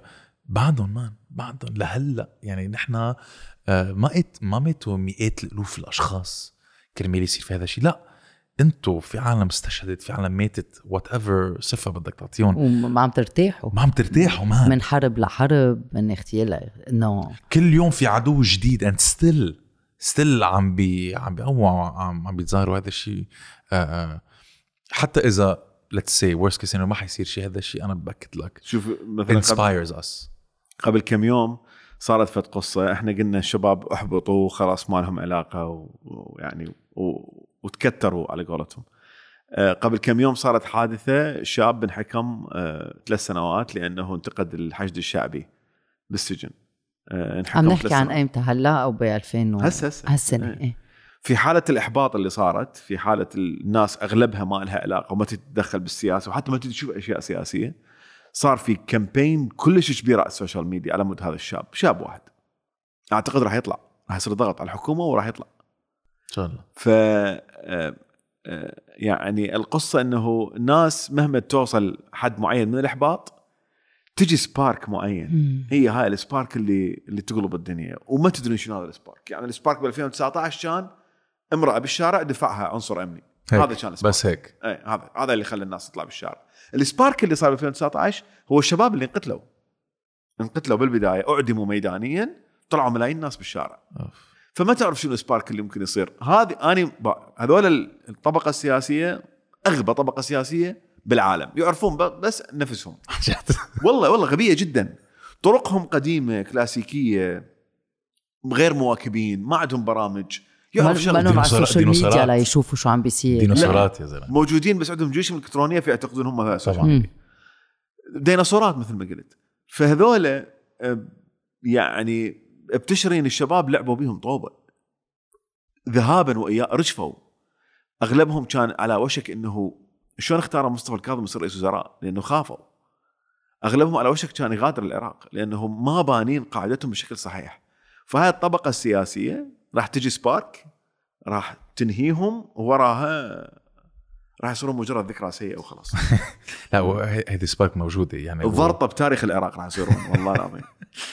م- موجودة و آه، يعني ال fact إنه ما حدا بيعرف أي event رح يغير يعني تو- توجه العراق أو توجه لبنان هذا الشيء بخ- بخل يعني بخلينا نحن يكون عندنا أمل كمان. كمان. And it's incredible. مم. أستاذ احمد thank you so much لهيدي. كثير يوتيوب. دي دبليو. هيك بنشوف وين وين فينا نلاقيك يعني. آه آه، أنت برنامجك على يوتيوب. آه، على يوتيوب. دي دبليو يطلع الساعة 9 يوم الجمعة والساعة 10 على اليوتيوب تعش على يوتيوب وأكيد على إنستغرام إيه وعلى كلها. كل تويتر. التويتر كل ال social media. مش معه هيدي السيدة؟ يعني ما بدي تكون مثل جمال عبد الناصر عم بيحكي عن العروبة بس عن جد بيفرجي قد إيه نحن بنعاني من زيت المشاكل وعنا زيت ال- الخبرة وزيت الاوتلوك كمان. نفس الشيء بالضبط بس الفرق إحنا ما عندنا هيفاء وهبي بس وبتعرف بركي الجيل الجديد رح يطلع شكرا لهيدي السيدة شكراً. شكراً much. كتير. جزيلا